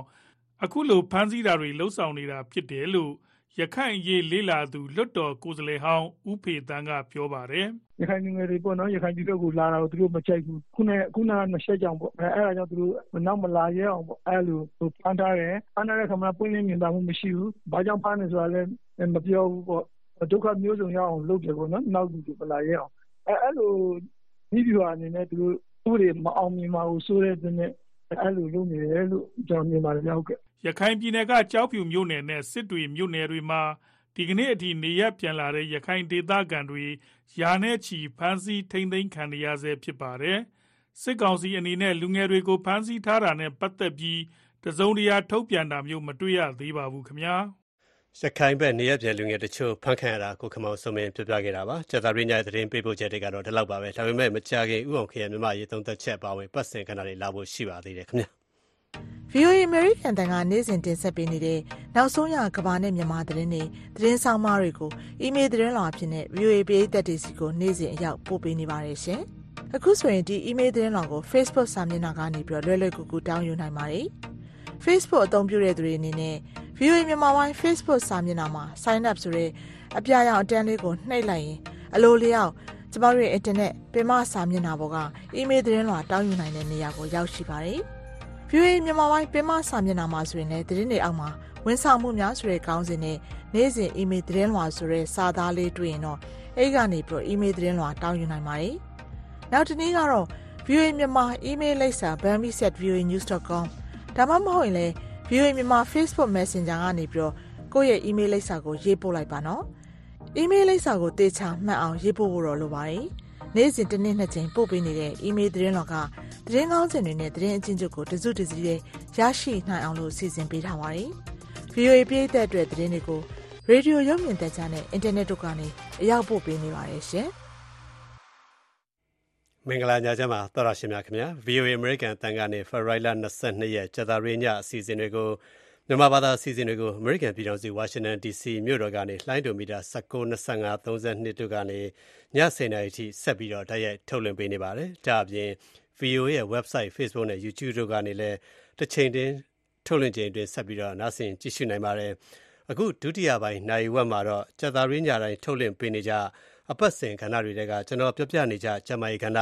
နောက် တိုင်းရင်ဒေတာသတင်းတောက်တွေရဲ့ တိုင်းရင်ဒေတာသတင်းလွှာ စတဲ့ပတ်စဉ်ကဏ္ဍတွေ မတိုင်ခင် အခုအရင်ဆုံးတော့ဥအောင်ခင်ရဲ့မြမရေးသုံးသက်ချက်ကိုပထမဆုံးနားဆင်ကြည့်ရှုအောင်ပါဒီတစ်ပတ်မှာတော့အညာကပြည်သူကာကွယ်ရေးတပ်ဖွဲ့များဆိုတဲ့ခေါင်းစဉ်နဲ့သုံးသက်ထားပါတယ်အညာဒေသမှာပြည်သူကာကွယ်ရေးတပ်သားတွေအများဆုံးရှိနေပါတယ်ဒီအဖွဲ့လေးတွေကွဲပြားနေတာကြောင့်မကြာခဏတော့အချင်းချင်းပဋိပက္ခဖြစ်တာတွေလည်းရှိနေပါတယ်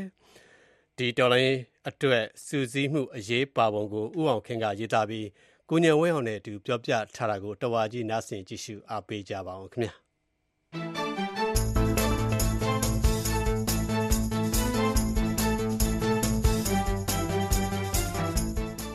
အာနာရှင်စနစ်ဖြုတ်ချမဲ့ຫນွေဦးတော်လိုင်းမှာအသက်ပေါ်ထွက်လာတဲ့လက်နက်ကိုင်အင်အားစုတွေထဲမှာ PDF ခေါ်ပြည်သူ့ကာကွယ်ရေးတပ်နဲ့ပကပခေါ်ဒေသခံပြည်သူ့ကာကွယ်ရေးအဖွဲ့ဟာထင်ရှားပါတယ်။ PDF တပ်တွေကိုစစ်သားဥယျာဉ်အလိုက်ဖွဲ့စည်းထားပြီး NUG နဲ့ချိတ်ဆက်ထားကြပေမဲ့ပကဖတွေကတော့ဒေတာအလိုက်မြန်မာအမည်ရောအင်္ဂလိပ်အမည်ရော သုံးကြပါတယ်။အညာဒေတာသခိုင်းနဲ့မကွေးတိုင်းမှာ PDF နဲ့ပကဖတာရှိပါတယ်။ခဲယမ်းမလုံလောက်မှုတနတ်မပြည့်စုံမှုစတဲ့ပြဿနာတွေအခုတည်းကရင်ဆိုင်နေကြရပေမဲ့တိုက်ပွဲတွေမှာအောင်မြင်နေကြပါတယ်။ စကိုင်းနဲ့မကွေးတိုင်းမှာ PDF နဲ့ပကဖအများဆုံးရှိပါတယ်။လုံတနက်ကင်ပြီးတိုက်ခိုက်သူတွေရှိနေတုံးပါပဲ။လက်တက်ခဲယမ်းဝယ်ယူဖို့အတွက်ရှိတဲ့ပစ္စည်းရောင်းချသူငွေချေးသူအလှခံသူတွေများတဲ့ဒေသဖြစ်ပါတယ်။အာနာရှင်စနစ်တိုက်ပြရေးမှာရွေချက်ချင်းတူပေမဲ့ကိုစားပြုမှုလက်နက်အင်အားလူအင်အားကွာခြားတဲ့အပေါ်မှာအခြေပြုပြီးတော်လိုင်းရေးအဖွဲ့တွေအကြားမှာပဋိပက္ခဖြစ်ကအပြန်အလှန် ဖမ်းဆီးတပ်ဖြတ်တာတွေလည်းရှိလာပါတယ်။ပြည်သူလူထုဟာဘောင်းဝိရှိဝိတုမှန်သမျှကိုကြောက်ရမယ့်အခြေအနေမျိုးကိုတောင်တွေ့ကြုံနေရတယ်လို့ဆိုပါတယ်။ရရလက်နက်နဲ့စစ်အာဏာရှင်ကိုဒေါ်လာနေတာကြောင့်အညာဒေသမှာလက်နက်ကန်အဖွဲ့ပေါင်းထောင်တောင်းချီရှိနေတာဖြစ်ပါတယ်။ပြည်သူထောက်ပံ့မှုနဲ့ရှင်သန်နေရတဲ့လက်နက်ကန်အဖွဲ့တွေဖြစ်တာကြောင့်စစ်ဘေးဒဏ်ခံရတဲ့ပြည်သူတွေဟာအရင်လောက်မထောက်ပံ့နိုင်တော့ပါဘူး။ဒီလိုထောက်ပံ့မှုနည်းပါးလာတဲ့အခါမှာတော်လှန်ရေးအဖွဲ့တွေဟာ စစ်ဆင်ရေးလုပ်ဖို့အတွက် ရုန်းကန်နေရတယ်လို့ လွန်ခဲ့တဲ့နှစ် စက်တင်ဘာ ၁၁ ရက်နေ့ထုတ် မြေလတ်အသံမှာ ဖော်ပြပါတယ်။တော်လှန်ရေးကာလ ကြာမြင့်လာတဲ့အခါ တော်လှန်ရေးတပ်ဖွဲ့တွေရဲ့ ရေရှည်ရပ်တည်ရေးကိုလည်း စဉ်းစားလာရပါတယ်။အညာဒေသမှာ လက်နက်ကိုင်အင်အား တောင့်တင်းဖို့လိုပေမဲ့တပ်ဖွဲ့တွေ ပဋိပက္ခဖြစ်တဲ့အခါမှာ ဖြေရှင်းနိုင်တဲ့ အာဏာပိုင်အဖွဲ့ မရှိတာကလည်း ပြဿနာ ဖြစ်ပါတယ်။ဝက်လက်မြို့နယ်မှာ တရားမျှတရေးနဲ့ အမှန်တရားသိရှိရေးအတွက် NUG ကို တောင်းဆိုတဲ့ ဆန္ဒပြပွဲတွေ ဖြစ်ပွားခဲ့တာ ရှိပါတယ်။ဒေသခံကာကွယ်ရေးအဖွဲ့နဲ့ PDF တပ်တွေ အပြန်အလှန် ပစ်ခတ်တာမျိုးကိုစကိုင်းနဲ့ မကွေးမှာ မကြာခဏ ကြားရကြုံရတယ်လို့ မြေလတ်အတန်ကဆိုပါတယ်။ဒီလိုပြဿနာမျိုးကို NUG ကို တိုင်ကြားပေမဲ့မြေပြင်မှာမရှိတဲ့ အစိုးရအနေနဲ့ ဖြေရှင်းမှုအလွန်ခက်ခဲနေပါတယ်။ဒါကြောင့် မတရားမှုကို လက်နက်ကင်ဖြေရှင်းမှု ကိုလန်းကိုလျှောက်တဲ့အညာကတော်လိုင်းသမားတွေဟာကိုကိစ္စကိုဖြေရှင်းရမယ်သဘောပြနေပါတယ်။အညာဒေတာဟာ NUG မပေါ်ခင်ကတည်းကလက်နဲ့ကိုင်းလာတာမို့အညာတော်လိုင်းသမားနဲ့အညာပြည်သူတွေကပဲကိုပြဿနာကိုရှင်းရလိမ့်မယ်လို့မြေလအတန်ကဆိုပါတယ်။တပ်ဖွဲ့တွေစုပေါင်းနိုင်ဖို့အလွန်အရေးကြီးနေပါပြီ။လွန်ခဲ့တဲ့နှစ်နှောင်းပိုင်းမှာတိုက်ရင်တပ်ဖွဲ့တွေမဟာမိတ်ဖွဲ့ပြီး စုစည်းဖို့ကြိုးစားလာကြတယ်လို့ မြေလအသံက သုံးသပ်ပါတယ်။မြောင်နဲ့ ရေစကြိုမြို့နယ်က လက်နက်ကိုင်တပ်ဖွဲ့တွေ မဟာမိတ်ဖွဲ့လိုက်တာကို ထောက်ပြပါတယ်။ဗိုလ်နဂါးဦးဆောင်တဲ့ မြန်မာ့တော်ဝင် နဂါးတပ်တော်ကလည်း ဒေသခံပြည်သူ့ကာကွယ်ရေးအဖွဲ့တွေကို ပူးပေါင်းပြီး BNRA ဗမာအမျိုးသားတော်လှန်ရေး တပ်မတော်ကို တည်ထောင်လိုက်ကြောင်း စက်တင်ဘာလက ကြေညာခဲ့ပါတယ်။တပ်ရင်း ၁၈ ရင်းကို စုစည်းတည်ထောင်တာဖြစ်ပြီး ဆက်လက်တိုးချဲ့သွားဖို့ ရည်ရွယ်ကြောင်းလည်း သိရပါတယ်။ ကိုယ်ထူကိုယ်ထ နည်းလမ်းရပြီး စစ်ကောင်စီကို တွန်းလှန်တိုက်ခိုက်ရာမှာ ဗိုလ်နဂါးဟာ ထင်ရှားပါတယ်။ဒေသတွင်း သွားလာလှုပ်ရှားမှုနဲ့ ပတ်သက်ပြီး ဗိုလ်နဂါးတို့တပ်ဖွဲ့နဲ့ NUG လက်အောက်ခံ PDF တပ်တွေ မကြာခဏ ပြဿနာဖြစ်ရတဲ့ သတင်းတွေလည်း ကြားနေရပါတယ်။ရှေ့ခေတ် ဗမာတပ်မတော် ဖွဲ့စည်းပုံရဲ့ အခြေခံဖြစ်တဲ့ အိုးစားအဖွဲ့ကို အတုယူပြီး အိုးစားဘက်စိတ်ဓာတ်နဲ့ မတ်လ ၁၂ ရက်နေ့အထိ ရန်ပုံငွေ ရှာနေပါတယ်။ လက်နက်တပ်ဆင်မှုနဲ့ပတ်သက်ပြီးမကြေမနက်ဖြစ်နေတဲ့ NUG လက်အောက်ခံတန်ရင်စက်တစ်ကခွဲထွက်မဲလို့ချင်းချောက်ကြောင်းဘာမာ VJ အဖွဲ့ဝင်မတ်ခင်ချင်းပစ်ကဇန်နဝါရီလ26ရက်နေ့ကသတင်းပေးပို့ထားပါတယ်။ရင်းမာပင်ခရိုင်တန်ရင်စက်နှစ်ရဲ့ပြည်သူဆက်ဆံရေးတာဝန်ခံနှင်းရိပ်တွေကိုဆက်သွယ်မေးမြန်းထားတာပါပဲ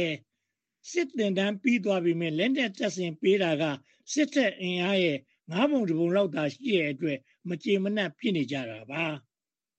NUG ဟာစစ်တိုက်ကျင်တွေအားလုံးကိုလက်နဲ့တိုက်ဆင်ပေးနိုင်တဲ့အခြေအနေမရှိသေးပါဘူးပြည်သူလူထုစာဝတ်နေရေးကြက်တီးလာတာဟာပြည်သူကာကွယ်ရေးတပ်ကိုပါထိခိုက်လာပါတယ်အညာမှာလက်နဲ့ပွဲစားတွေမှုလိုပေါက်နေတယ်လို့ဆိုပါတယ်ပွဲစားတွေထဲမှာထောက်ဖို့လုံနေသူပကဖတွေလည်းပါဝင်ပါတယ်တောင်ပိုင်းမှာသိန်းတရာပေးရတဲ့တနတ်ကိုမြောက်ပိုင်းမှာ သိန်းတရာပေးရပါတယ်သုံးညီတော်မဟာမိတ်ရဲ့စစ်စင်ရေးအောင်မြင်မှုတွေဟာအညာတော်လှန်ရေးသမားတွေအတွက်အားကျစရာဖြစ်နေပါတယ်ဒါပေမဲ့သုံးညီတော်မဟာမိတ်မှာပါဝင်နေသူတွေဟာစူးစီးမှုအားကောင်းပြီးစစ်ပွဲအတွေ့အကြုံရင့်တန်တာကိုလည်းသတိပြုဖို့လိုအပ်ပါတယ်ခင်ဗျာ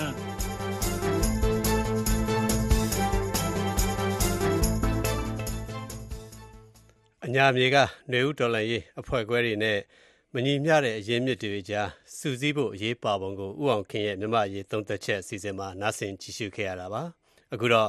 အပတ်စဉ်ကျမိုင်ကဏ္ဍကိုဆက်ပြောပြပေးပါမယ်ဒီတစ်ပတ်မှာတော့မှတ်ဉဏ်ရော့ယောဂဖြစ်လာရင်လက်ခံပြီးစောစောကုသဖို့အရေးကြီးတာကိုပြောထားပါတယ်မှတ်ဉဏ်ကြယောဂဖြစ်လာတာကိုလူနာကစလက်မခံခြင်းချိန်မှာစောစောစီစီကုသမှုခံယူနိုင်တာရဲ့အကျိုးကြည့်ပုံကိုမိသားစုကရှင်းပြဖို့လိုတယ်လို့ကျန်းမာရေးပညာရှင်တွေက အကြံပြုနေပါတယ်။ အခုလို စောစောကုသနိုင်မှုကနေဘလို့အကျိုးကျေးဇူးကြီးတွေ ရနိုင်ပါလဲ။ဒီအကြောင်း အမေရိကန်နိုင်ငံ ကယ်လီဖိုးနီးယားပြည်နယ်ကိုင်ဇာစင်တာကလာရာအထွေထွေဆေးရုံကြီးကတက်ကြီးယောဂအထူးကုသမားတော်ကြီး ဒေါက်တာမျိုးမြောင်ကိုကျွန်တော်ပဲမေးထားတာကိုတဝါကြီးဆက်နာဆင်ကြည့်ရှုကြပါအောင်ခင်ဗျာ။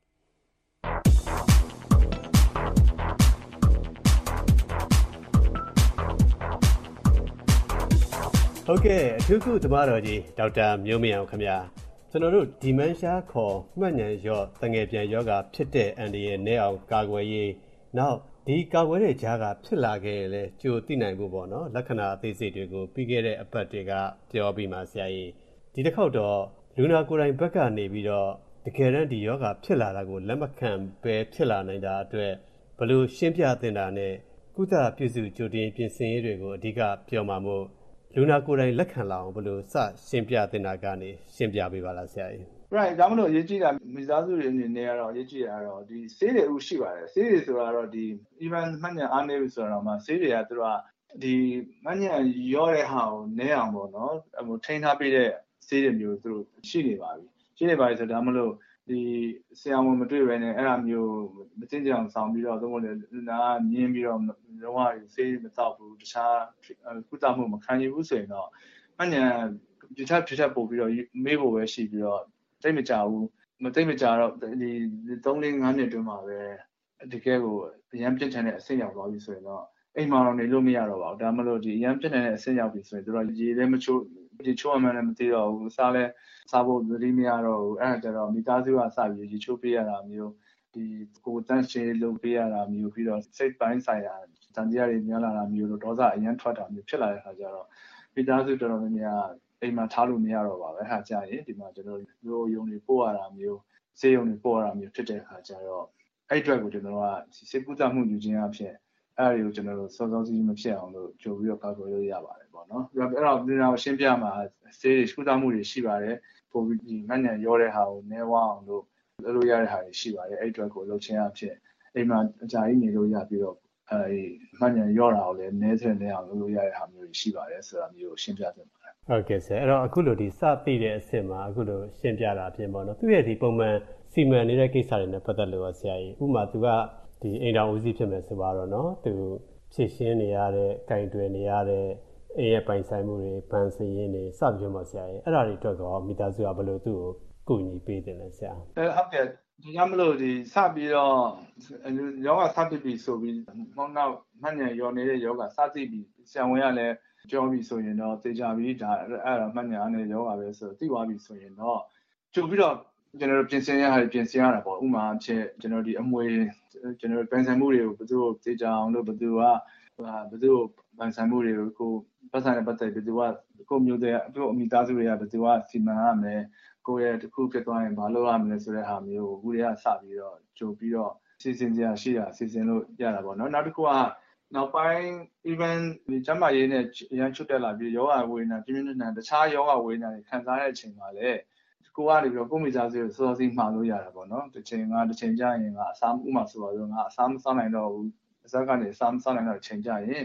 ငါ့ကိုဒီအစာပြုံးဒီအစာအစာပိုက်နဲ့အစာပြုံနဲ့ပါဇက်တဲ့နှာခေါင်းနဲ့ထည့်ပြီးတော့ငါတော့အတင်းမကြွေးကြနဲ့ငါမဇက်တဲ့ကမစားနိုင်တဲ့ခါကြရင်ငါ့ကိုဘာမှအတင်းအဲ့လိုစာပြုံနေမှာလာမထဲနဲ့ပြီးတော့အမျိုးငါမကြိုက်ဘူးငါအမျိုးနဲ့လည်းမသက်မရှင်ခြင်းမှုဟာဟာမျိုးတွေပေါ့နော်ကိုဖြစ်တဲ့ဟာတွေကိုမိသားစုကိုပြပြချင်းပြင်မိသားစုတွေကလည်း အခုအမျိုးဖြစ်လာတဲ့ခါကျရင်သူတို့လည်းဘာလုပ်ရမလဲဆရာဝန်တွေဘာပြောဘာညွှန်ကြားရမလဲဆိုရတာသူတို့ကစောစောစီးစီးကိုယ်စီကသိတဲ့ကြောင့်မလို့မိသားစုတွေလည်းအကျိုးရှိသလိုကိုယ်လည်းမလိုအပ်ဘဲနဲ့အဲ့မျိုးဝေဒနာတွေမခံစားရဘူးပေါ့နော်ကျွန်တော်ကပြောလို့ပေါ့ကိုကအစာပြင်းနေအသက်မရှင်ခြင်းမှုဆိုရင်တော့စောစောစီးတွေကမိသားစုကိုပြောပြီးတော့ဒီစားရဆိုင်နေမှာလည်းလက်မှတ်ထိုးခဲ့ကြရဖြစ်ချိန်တန်းကိုအဲ့ချိန်မျိုးရောက်လာတဲ့အခါကျရင်မလိုအပ်ဘဲနဲ့အစာပြုံရင်းနဲ့အသက်ရှင်ကြမလို့တော့ပါဘူးဟုတ်ကဲ့ဆရာကြီး အဲ့တော့အခုလိုဒီနောက်ဆုံးအဆင့်မရောက်ခင်ဆက်စချင်းသိတဲ့အနေထားမှာပေါ့နော်ဆရာကပြောတဲ့ဒီဆေးတချို့လည်းအကူအညီပေးနိုင်တဲ့အနေထားမှာ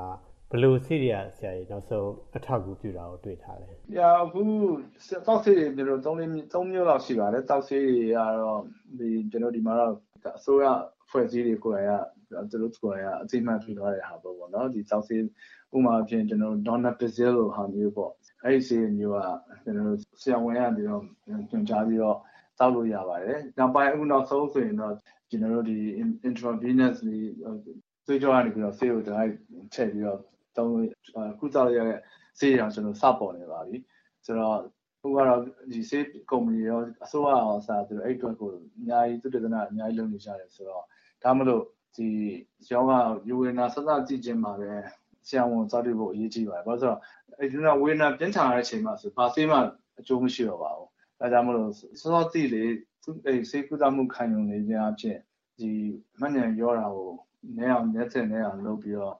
တက်လဲကိုပိုရှည်ရှည်နေလို့ရတာပေါ့နော်ဟုတ်ကဲ့ဆရာကြီးအဲ့တော့ အခုဒီမှတ်ဉာဏ်ချယောဂနဲ့ပတ်သက်ပြီးတော့ကျွန်တော်မမေးမိတဲ့တခြားအရေးကြီးတာကောပြောဖို့ရှိအောင်လားဆရာအာကျွန်တော်နောက်ဆုံးတစ်ခုပြောချင်တာမှတ်ဉာဏ်ကြောင့်မှတ်ဉာဏ်ဘယ်လိုမှဘယ်လောက်အရေးကြီးလဲဆိုတော့ကျွန်တော်ယူဆတော့နှလုံးတို့စီကြောက်ကတွေတော့အရေးကြီးပါတယ်ဘာလို့လဲဆိုတော့ဟိုဒီတွေများသိတဲ့အတိုင်းပဲနှလုံးအလုံးမလုံးတော့ဘူးဆိုရင်တော့မှနှလုံးကိုကျွန်တော် transplant ပေါ့နော်နှလုံးအစားထိုးလုပ်လို့ရတာမျိုးတွေကြောက်ကဆိုလည်းအစားထိုးလို့ရတဲ့ပေါ်ပါပြီ။သို့မဟုတ်လည်းကျွန်တော်ကြောက်ကဆေးတဲ့ dialysis ဟာမျိုးလည်းပေါ်နေပါပြီ။ ဒါမျိုးတွေကပတ်စံပေးရပါတယ်။အဲဒါပေမဲ့အောက်တော့အားနေတဲ့ယောဂဒီဘောကဖြစ်လာပြီဆိုရင်တော့ဘာမှတကယ်တမ်းကျတော့လုပ်လို့မရတော့ပါဘူး။ကျွန်တော်အုံနောက်ကိုအစားထိုးလို့လည်းမရပါဘူး။အုံနောက်ကိုဆေးလို့မရပါဘူး။ဒါကြောင့်မလို့အုံနောက်ကကျွန်တော်ထင်တယ်အရေးကြီးဒီဘောလုံးမှာအရေးအရင်အရေးကြီးတဲ့ယောဂပါ။ဘာဖြစ်လို့လဲဆိုတော့ဒီအုံနောက်ဒီအားနေတဲ့ယောဂမျိုးကဖြစ်လာပြီဆိုရင်ပုံမှန်ဖြစ်တော့9နှစ်10နှစ်ကနေပြီးတော့မှ လူတွေကအဲ့မှာကိုယ်ရင်းခံပြီးတော့ကိုယ်ရင်မကသေးပါဘူးကိုမိသားစုကိုပါဒုက္ခပေးလို့ဖြစ်ပါတယ်ဘာလို့ကိုကအမကိုကိုတော့တန်ရှင်းမလုံးနိုင်တော့ဘူးဒီခါကျမိသားစုကပဲလုပ်ပေးရတော့မှာပါအဲ့ခါကျရင်မိသားစုမှာဝန်တော့ဝန်ပူကြည့်ပြီးတော့ပတ်စံလည်းအရင်ကုန်ပါတယ်စိတ်လည်းထိခိုက်ရပါတယ်ဒါမှမဟုတ်ကျွန်တော်ယူဆရတော့ဒီအုံနောက်အားနေတဲ့ယောဂကြောက်စရာအကောင်းဆုံးယောဂတစ်ခုမှာပါပါတာပါအုံနောက်ကတကယ်မှန်တဲ့အားနေယောဂဖြစ်လာပြီဆိုရင်တော့အကျန်းကိုကိုကိုယ်တိုင်မကသေးဘူးမိသားစုပါတကယ်ဒုက္ခအပေးဆုံးရောဂါမျိုးဖြစ်တဲ့အကြောင်းမလို့ ခုတည်းကစပြီးတော့လို့စညာတွေလုပ်ပြီးတော့ကောင်းဝယ်ကြပါလို့ကျွန်တော်တိုက်တွန်းလိုက်ပါဟုတ်ကဲ့ကျေးဇူးအများကြီးတင်ပါတယ်ဆရာ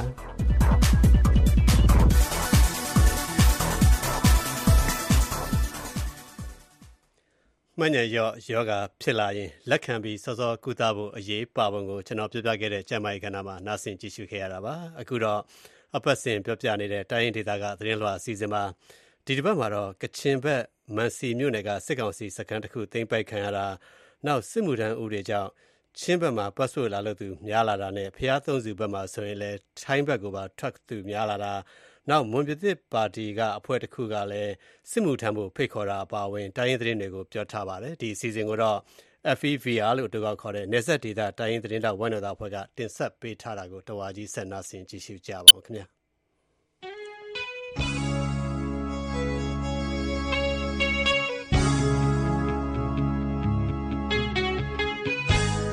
ပတ်စဉ်တင်ဆက်သွားမယ့်တန်ရင်သတင်းလွှာကကြိုဆိုပါရယ်မြန်မာနိုင်ငံတဝမ်းတန်ရင်သားလူမျိုးစုတွေနေထိုင်ကြတဲ့အရက်ဒေသတွေမှာဖြစ်ပျက်နေတဲ့အဖြစ်အပျက်တွေနဲ့တန်ရင်သားတွေရဲ့အတန်တွေကိုထင်ဟပ်တင်ဆက်ထားတာဖြစ်ပါတယ်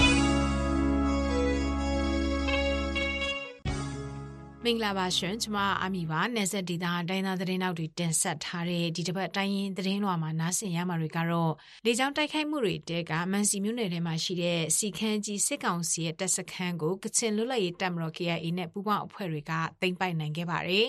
မွန်ပြည်နယ်မှာမွန်ပြည်သက်ပါတီခွဲထွက်အဖွဲ့ကဒေသတွင်းလူမျိုးဘာသာမရွေစစ်မှုထမ်းဖို့ဖိတ်ခေါ်လိုက်ပါတယ်သတင်းလွှာတွေထဲမှာတော့ချင်းပြည်နယ်မင်းတပ်မြို့နယ်ထဲမှာစစ်ပေးရှောင်နေကြတဲ့အချိန်စေဝါပြက်လက်မှုနဲ့ဆေးဝါးမလုံလောက်တာတွေကြောင့်အမျိုးသမီးတွေမိတွေထဲမှာသေဆုံးမှုနဲ့မွေးကင်းစကလေးငယ်သေဆုံးမှုတွေမြင့်တက်နေတဲ့အကြောင်းနားဆင်ရဖို့ရှိပါတယ်။ ကျမကနန်းဟွန်ပါရှင်တရင်တွေကိုကိုရောဘတ်နဲ့အတူတင်ဆက်ပေးသွားမှာပါရှမ်းပြည်တောင်ပိုင်းဟိုပုံးမြို့နယ်ထဲစစ်ကောင်စီတပ်နဲ့ပအိုးမျိုးသားလွတ်မြောက်ရေးတပ်မတော် PNL တို့အကြားနရက်ဆက်တိုက်တိုက်ပွဲတွေဖြစ်ပွားနေပြီးရွာတွေထဲကပြည်သူတွေစိုးရိမ်ကြောက်လန့်ပြီးတော့တောင်ကြီးဘက်ကိုထွက်ပြေးတိမ်းရှောင်နေကြရပါတယ်ဗုဒ္ဓဟူးနေ့မှာတော့တိုက်ပွဲတွေကြောင့်ဟိုပုံးနဲ့မိုင်းပွန်ကြားမှာကားလမ်းကိုအချိန်ပိုင်းပိတ်ခဲ့လို့ကားအစီးရေရာနဲ့ချီပိတ်မိခဲ့တယ်လို့ခရီးသွားပြည်သူတယောက်ကပြောပါတယ်ဟိုပုံးမြို့နယ်နဲ့စီဆိုင်င်မြို့နယ်ထဲမှာစစ်ကောင်စီတပ်၊ PNO ပြည်သူ့စစ်ပူးပေါင်းတပ်နဲ့ပအိုးမျိုးသားလွတ်မြောက်ရေးတပ်မတော် PNLA တို့အကြားတိုက်ပွဲတွေပြင်းထန်ခဲ့ပြီး လေကြောင်းပစ်ခတ်မှုတွေပါရှိနေပါတယ်။ ကချင်ပြည်နယ် မန်စီမြို့နယ်ကစီခမ်ကြီးစစ်ကောင်စီတပ်စခန်းကို ကချင်လွတ်လပ်ရေးတပ် KIA ရခိုင်တပ်တော် AA နဲ့ PDF ပူးပေါင်းတပ်ဖွဲ့တွေကရင်းထန်တဲ့ လေကြောင်းတိုက်ခိုက်မှုတွေကြားက တနင်္လာနေ့မှာ သိမ်းပိုက်လိုက်ပါတယ်။အဲ့ဒီ စီခမ်ကြီး စစ်ကောင်စီတပ်စခန်းကို ဖေဖော်ဝါရီလ18ရက်ကစပြီးတွားရောက်တိုက်ခိုက်ခဲ့တာလို့ တော်လိုင်းတပ်ဖွဲ့တွေဘက်က ပြောပါတယ်။စီခမ်ကြီး စစ်ကောင်စီတပ်စခန်းဟာ ခလာရ15 121 286 223တပ်ရင်းတွေ စုပေါင်းထားတဲ့ မန်စီနဲ့ မဘိမ်းမြို့ကြားက အရေးပါတဲ့ ထုတ်ပူပြူဟာစခန်းဖြစ်ပါတယ် စစ်ကောင်စီက ပြည်သူ့စစ်မှုထမ်းဥပဒေ အတည်ပြုလိုက်ပြီးတဲ့နောက် ချင်းပြည်နယ် ဟာခါမြို့မှာ နိုင်ငံကူးလက်မှတ် passport လုပ်တဲ့ လူငယ်တွေ ပိုများလာပြီး passport ဈေးနှုန်းက ငွေကျပ်10သိန်းလောက် ပေါက်ဈေးရှိနေပါတယ်။ဟာခါမြို့က နိုင်ငံကူးလက်မှတ် ထုတ်ပေးတဲ့ရုံးမှာ နေ့တိုင်း passport ပြုလုပ်သူ အယောက်တရာဝန်းကျင်အထိ ရှိနေပြီး အများစုက လူငယ်တွေ ဖြစ်နေတယ်လို့ ဒေသခံတယောက်က ပြောပါတယ်။စစ်ကောင်စီက အရွယ်ရောက်ပြီးသူ နိုင်ငံသားတိုင်း စစ်မှုထမ်းဆောင်ဖို့စင့်ခေါ်နိုင်တဲ့ ဥပဒေ အတည်ပြုလိုက်ပြီးတဲ့နောက် ချင်းပြည်နယ်မှာ အတင်းအဓမ္မစစ်တာစုဆောင်းမှုတွေလှုပ်လာမှာကိုစိုးရိမ်တာကြောင့်ပြပထွက်ခွာဖို့စီစဉ်သူတွေများလာတာလို့ဒေသခံတွေကပြောပါတယ် မွန်ပြည်နယ်မှာ မွန်ပြည်သစ်ပါတီခွဲထွက်အဖွဲ့က ဒေသတွင်း လူမျိုးဘာသာမရွေး စစ်မှုထမ်းဖို့ ဖိတ်ခေါ်လိုက်ပါတယ်။မွန်တိုင်းသားအကျိုးကို လိုလားတဲ့ မျိုးချစ်မွန်လူငယ်တွေနဲ့ ပြည်သူအလုံး လာရောက်လက်တွဲ ပူးပေါင်းကြဖို့ မွန်ပြည်သစ်ပါတီ စစ်အာဏာရှင်တိုက်ဖြတ်ရေး NMSP AD အဖွဲ့က စစ်သားတဲ့စုဆောင်ရေးစီးမြင့်ကို ထုတ်ပြန်ပြီး အင်ကာနေ့မှာ တိုက်တွန်း နှိုးဆော်လိုက်ပါတယ်။တက်16နှစ်မှ45နှစ်အထိ ယောက်ျား မိန်းမ လူမျိုးဘာသာမရွေး ကိုလည်းအင်ကာကြားမှာတန်ဆွမ်းသူတွေ စိတ်ကြမ်းမာရေး ကောင်းမွန်သူတွေတပ်ပညာရှင်ဖြစ်ပါကတဲ့ရွယ် ကန့်သက်ချက်မလိုဘဲ နီးစပ်ရနဲ့ အဆက်အသွယ်ရယူပြီး လာရောက် ပူးပေါင်းပါဝင်နိုင်တယ်လို့ မွန်ပြည်သစ်ပါတီခွဲထွက်အဖွဲ့က ကြေညာချက် ထုတ်ပြန်ခဲ့တာ ဖြစ်ပါတယ် ရှမ်းပြည်မြောက်ပိုင်း ကွတ်ခိုင်မြို့နယ်နန့်ဖက်ကာရွာမှာ မပောက်ကွဲပဲကြာနေတဲ့ စစ်လက်နက် အကျွင်းကြံပစ္စည်းတွေကို ယူကစားရာကနေ ပောက်ကွဲမှုဖြစ်ပွားပြီး ဒေသခံ ကလေးနှစ်ယောက် ထိခိုက်ဒဏ်ရာ ရရှိခဲ့ပါတယ်။နန့်ဖက်ကာရက်ကွက်9မှာ နေထိုင်တဲ့ အသက်12နှစ်နဲ့ အသက်9နှစ်အရွယ် ကလေးနှစ်ယောက် ဘုံကြီးကျောင်းဝင်းထဲမှာ မပောက်ကွဲသေးတဲ့ လက်နက်ကြီးကြီးကိုကစားရာကနေဖေဖော်ဝါရီလပထမပတ်ထဲမှာပောက်ကွဲမှုဖြစ်ပွားခဲ့ပြီးဒဏ်ရာရရှိခဲ့တာလို့ဒေသခံတယောက်ကဗုဒ္ဓဟူးနေ့မှာပြောပါတယ်။ကလေးနှစ်ယောက်လုံးဒဏ်ရာပြင်းထန်လို့ဖေဖော်ဝါရီလတတိယပတ်အထိဆေးကုသမှုခံယူနေရပါတယ်။ ရေရှားပါးမှုနဲ့ ကြုံနေရတဲ့ ကရင်နီပြည် ဒီးမော့ဆို အနောက်ဘက်ခြမ်းက စစ်ဘေးရှောင်တွေ ရေအလှူရှင်တွေ ရှိပေမဲ့ လုံလောက်မှု မရှိသေးဘူးလို့ စစ်ဘေးရှောင်ကူညီရေး ဆောင်ရွက်ပေးနေသော ကရင်နီလူမှုကူညီရေးအသင်း Karenni Humanitarian Team KTM တာဝန်ရှိသူက ပြောပါတယ် အလှူရှင်တွေ ရှိနေပေမဲ့ ရေမလောက်သေးလို့ ခွဲတန်းနဲ့ ရေပေးဝေနေရတယ်လို့ KTM အဖွဲ့ တာဝန်ရှိသူက ပြောပါတယ် ဒီးမော့ဆို အနောက်ဘက်ခြမ်းမှာ စစ်ဘေးရှောင်တသိန်းကျော် ခိုလုံနေပြီး နှစ်စဉ် ရေရှားပါးမှုကို ကြုံနေကြရပါတယ် ဒီစစ်ဘေးရှောင်တွေဟာ ဒီးမော့ဆိုအနောက်ဘက်ခြမ်းမှာ စစ်ရှောင်နေရတာ ၃ နှစ်နီးပါး ရှိလာပြီ ဖြစ်ပါတယ် အခုဆက်ပြီး သတင်းလွှာတွေကို တင်ဆက်ပြီးသွားမှာပါ ချင်းပြည်နယ် မင်းတပ်မြို့နယ်ထဲ စစ်ဘေးရှောင်နေကြတဲ့အချိန်စေဝါပြက်လက်မှုနဲ့စေဝါမလုံလောက်မှုတွေကြောင့် အမျိုးသမီးတွေဟာမိဖွားရင်မိတွေထဲမှာတေဆုံမှုနဲ့ မွေးကင်းစကလေးငယ်တေဆုံမှုတွေက မြင့်တက်နေတယ်ဆိုတဲ့အကြောင်းကိုတော့ ကိုရောဘတ်ကစူးစီးတင်ဆက်ထားပါတယ် စစ်အာဏာသိမ်းမှုနောက်ပိုင်း ၃ နှစ်တာကာလအတွင်းမှာ စစ်ကောင်စီဟာ မင်းတပ်မြို့နယ်ကို စစ်အုပ်ချုပ်ရေး ကြီးညာပြီးစေဝါတည်ယူခွင့် ကန့်သက်ပိတ်ပင်ထားလို့စေဝါပြက်လက်မှု ကျွန်းကျင်ဆရာဝန်မရှိတာကြောင့် အသက်ဆုံးရှုံးခဲ့ကြရတာလို့ ဆိုပါတယ် မင်းတပ်မြို့နယ် စစ်ဘေးရှောင်စခန်း စီမံခန့်ခွဲမှုကော်မတီ တာဝန်ခံ ကိုလောရန်က ယခုလို ပြောပါတယ်ဒီအိမ် ဆောင်တဲ့မြို့သမီးတွေ ကိုဝန်ဆောင်တဲ့အခါ ကလေးမွေးတဲ့အခါ ကျန်းမာရေးဆောင်ရှောက်က မရှိတာတော့ မဟုတ်ရှိတယ် ဒါပေမဲ့လည်း ကျန်းမာရေးဝန်ထမ်းရဲ့ဒီစေဝါလုံလောက်မှုရဲ့ပြီးတော့မှ ဒီကျွမ်းကျင်မှုပိုင်ဆိုင်ရာတွေကလည်း အများကြီးလိုအပ်နေသေးတယ်ဟိုကလေးမွေးဖွားမှုတည်ဆောင်တော့လည်း တော်တော်မြင့်တယ် အမျိုးသမီးဒီမိဖွားရင်းနဲ့ ဆုံးတာများတယ်မိဖွားရင်းနဲ့ဆုံးတာဝန်ဆောင်ဒီဆိုရင်လည်း ရွာမှာပဲကျွမ်းတဲ့တင်နေမွေးတာရှိတယ် ဆေးရုံကလာဖို့က ဝေးလို့လာကိုဝန်ကန်ဖြစ်တဲ့ခါကျတော့ဝေးတယ် transportation ကလည်း လိုလာကိုဒီတိုင်းဆိုင်ကင်းနဲ့တွားဖို့ လမ်းကျမ်းမှာတွားဖို့ကြတဲ့အချိန်မပြေပြန်ဘူး မင်းတပ်မြို့နယ် စစ်ဘေးရှောင်စခန်း စီမံခန့်ခွဲမှုကော်မတီရဲ့စည်ရင်းမှတ်တမ်းအရ မင်းတပ်မြို့နယ်မှာ အာဏာသိမ်းမှုနောက်ပိုင်း စစ်ဘေးရှောင်ပြည်သူတွေထဲမှာ သွေးသွင်းတာ၊ဦးဝင်နှုတ်ဆက်တွဲ ပြဿနာတွေကြောင့်မိတွင်နဲ့တေဆုံးသူ မိခင် ၁၂ ယောက်ရှိခဲ့ပြီး မွေးကင်းစကလေးတေဆုံးမှုက အယောက်20လောက်ရှိတယ်လို့ ကိုလောရန်က ပြောပါတယ်။လမ်းပန်းဆက်သွယ်ရေးခက်ခဲကြောင့် အချက်လက် ကောက်ယူတဲ့နေရာမှာ အခက်ခဲရှိနေလို့မြေပြင်မှာ ဒီထက်လည်းပူများနိုင်တယ်လို့ ဆိုပါတယ်။စစ်ရှောင်အမျိုးသမီးတွေဟာ ငွေကြေးခက်ခဲမှုတွေကြောင့်ဦးဝင်ဆောင်ချိန်အတွင်း လိုအပ်တဲ့ အစာအာဟာရဓာတ်နဲ့ပြည့်စွတ်ဆေးဝါးတွေမျှဝဲနိုင်ဖို့ အခက်ခဲတွေ ရှိပါတယ်။ဒါ့အပြင် လမ်းပန်းဆက်သွယ်ခက်ခဲမှုကြောင့် အချိန်မီ ဆေးကုသမှု မရတာကြောင့် ကိုဝင်ပြတ်ကြတာ ကလေးအသေးမွေးဖွားမှုတွေလည်း ရှိနေပြီး မကြသေးခင် ရက်ပိုင်းကလည်းဝေကင်းစ ကလေးငယ်တယောက် သေဆုံးခဲ့တယ်လို့ ကိုလောရန်ကပြောပါတယ် သူက တိုက်နေအမှတ်14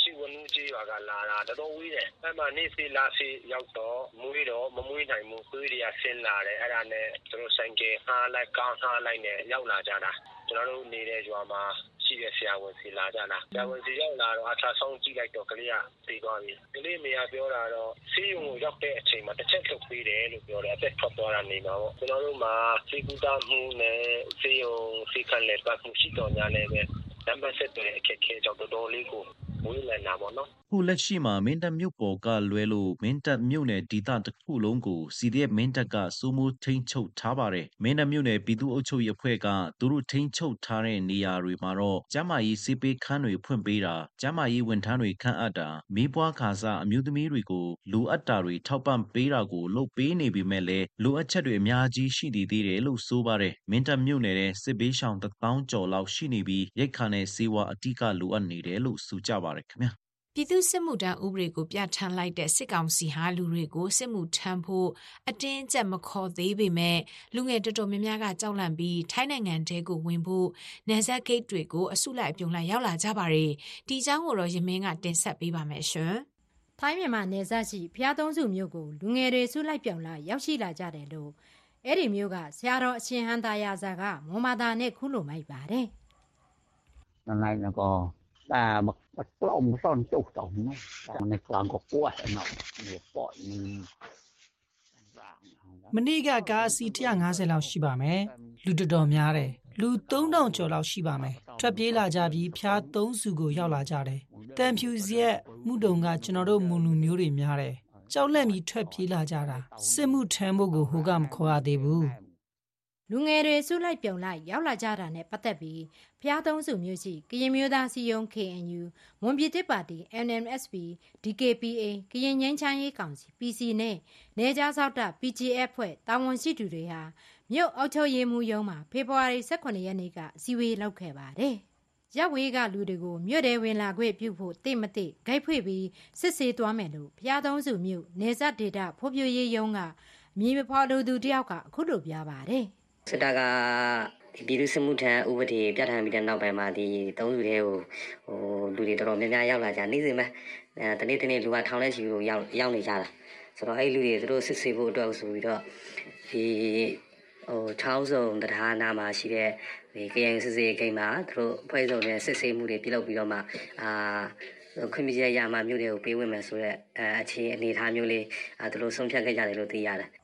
လက်တလောမှာတော့ဘုရားသုံးစုတဲကိုရောက်လာတဲ့လူတွေထိုင်းဘက်ကိုတွားမဲ့သူတွေများပြီးအချို့ကတော့တော်လိုင်းရေးတပ်ဖွဲ့တွေတဲ့ဝင်ဖို့ဆက်သွယ်ဆောင်ရွက်နေကြတယ်လို့ဆိုပါတယ်။ထိုင်းနိုင်ငံကိုလာမဲ့သူတွေအနေနဲ့တော့ချစ်ပြောင်လောက်သမားတွေနဲ့ပတ်သက်တဲ့ဥပဒေနဲ့ထိုင်းမာသားစကားယဉ်ကျေးမှုတရေဒုံတန်းတွေကိုအခြေခံလေးလာထားဖို့လိုတယ်လို့ရှေ့ပြောင်လောက်သမားရေးလှောက်ရှားနေသူပညာရေးနဲ့ဖို့ပြိုတိုးတက်ရေးဖောင်ဒေးရှင်းကဥထုချစ်ကအကြံပြုပါတယ်ဟိုထိုင်းနိုင်ငံမှာ ပြဋ္ဌာန်းထားတဲ့အလုပ်သမားနဲ့ဥပဒေတွေထိုင်းနိုင်ငံရဲ့မရှင်ကျေးမှုတလေးထုံတန်းစင်တာတွေတစုံတရာကျွန်တော်တို့တည်လာထားမယ်နော်ပိုအရေးကြီးတာကဟိုထိုင်းလူမျိုးတွေထိုင်းအာဏာပိုင်တွေနဲ့တစုံတရာတွေ့တယ်ဆိုလို့ရှိရင်ကျွန်တော်ဆက်သွယ်ဆောင်ရွက်နေအောင်ထိုင်းစပါသာစကားကိုလည်းဟိုအခြေခံလေးလာထားတဲ့လို့ကျွန်တော်တို့အနေနဲ့ထင်ပါတယ်ဖေဖော်ဝါရီလ10ရက်နေ့ကပြဋ္ဌာန်းလိုက်တဲ့ပြည်သူ့စစ်မှုထမ်းဥပဒေကြောင့်ထိုင်းနိုင်ငံနဲ့မြန်မာရွှေ့ပြောင်းလောက်တာတိမ့်တန်းချီရောက်လာနိုင်လို့ လောက်သမားခွေရီလူကုန်ကူးမှုခြေနေတွေကပို့ပြီးတော့ဆိုးဝါးလာလိမ့်မယ်လို့ဥထုချစ်ကဆိုပါတယ်အခုဆက်ပြီးသတင်းချင်းချုပ်ကိုနားဆင်ကြရမှာပါလေကြောင်းတိုက်ခိုက်မှုတွေထဲကမန်စီမြို့နယ်ထဲကစီခမ်ကြီးစစ်ကောင်စီတပ်စခန်းကို KIA နဲ့ပူးပေါင်းဖွဲ့တွေကတိမ့်ပိုင်နိုင်ခဲ့ပါတယ်။မွန်ပြည်နယ်မှာမွန်ပြည်သစ်ပါတီခွဲထွက်အဖွဲ့ကဒေသအတွင်းလူမျိုးပါတာမရွေးစစ်မှုထမ်းဖို့ဖိတ်ခေါ်လိုက်ပါတယ်။ သောရရှင်တွေခုနားဆင်နေခဲ့ကြတာကတော့နေဆက်ဒေတာကတိုင်းသားသတင်းနောက်တွေကလည်းအပတ်စဉ်တင်ဆက်ပေးနေတဲ့တိုင်းရင်သတင်းလွှာပဲဖြစ်ပါတယ်။နောက်သတင်းပတ်အစီအစဉ်မှာပြန်ဆောင်ကြရအောင်ပါရှင်။ကျွန်မအာမီပါ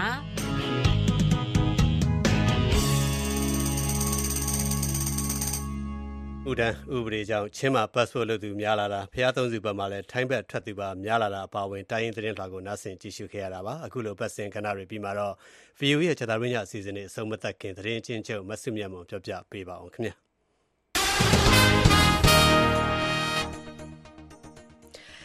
ဂျော်ဒန်မြစ်နောက်ဘက်ကဒေသတွေကဒီအစ္စရေးစစ်စေးဂိတ်တစ်ခုနားက လမ်းပေါ်ကနေပြီးတော့တနက်သမား3ယောက်ပြစ်ခတ်လို့ အစ္စရေးတယောက်သေဆုံးပြီးတော့10ယောက် ဒဏ်ရာရခဲ့တယ်လို့ အစ္စရေးရဲတပ်ဖွဲ့က ပြောပါတယ်။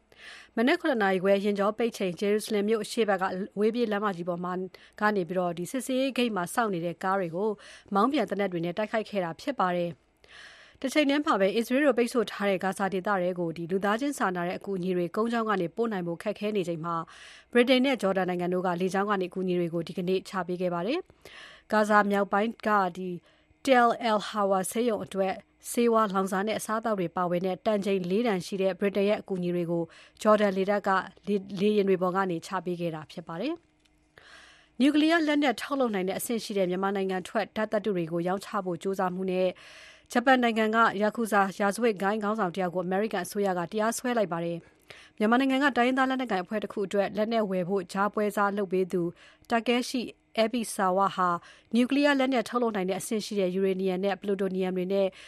မူရစ်ဆေးဝါးတွေကို ရောင်းချဖို့ ပူးပေါင်းကြံစည်ခဲ့တယ်လို့ အမေရိကန်တရားရေးဌာန အမျိုးသားလုံခြုံရေးဌာနခွဲရဲ့ လက်ထောက် တရားသူကြီးချုပ် Matthew G. Olson က ထုတ်ပြန်ချက်မှာ ပြောထားပါတယ်။ ယူရေနီယံနဲ့ဒီလက်နက်ထုတ်လုပ်နိုင်တဲ့အဆင့်ရှိတဲ့ ပလူတိုနီယံတွေပါဝင်တဲ့ ပစ္စည်းတွေကို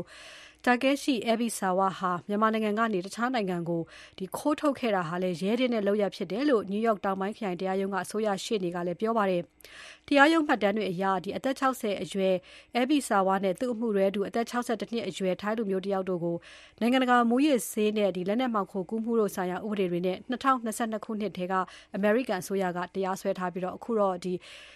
ယူရေနီယံနေမှောင်ခိုကူးမှုနဲ့ထပ်ပြီးတော့တရားစွဲခဲ့တာဖြစ်ပါတယ်ရှင်။ကျေးဇူးပါမဆုမြတ်မိုးရေအခုလိုသတင်းအချင်းချုပ်ပြီးမှတော့ VO ရဲ့အခုကြတာရညအစီအစဉ်တွေဒီမှာပဲပြီးဆုံးသွားပါပြီဒီညအစီအစဉ်ထုတ်လွှင့်မှုကအလိမ္မာပါစက်ပိုင်းဆိုင်ရာရုပ်သံအင်ဂျင်နီယာတွေကတော့ရှောင်းကန် channel Robert Bus ဖြစ်ပါတယ်ဒီညအစီအစဉ်မှုကတော့ကျွန်တော်ဝင်းမပါ VO ကိုအခုလိုနားဆင်ကြည့်ရှုအားပေးခဲ့ကြလို့အားလုံးကိုအထူးပဲကျေးဇူးတင်ပါတယ်သောရရှင်များနဲ့တကွာမြန်မာပြည်သူပြည်သားအားလုံးဘေးပရာဝိတ်ကွာလို့လူရဆန္ဒပြေဝရှင်လန်းချမ်းမြေ့ကြပါစေကောင်းကောင်းလည်းအိတ်ဆက်အနားယူနေတဲ့ညဖြစ်ကြပါစေခင်ဗျာ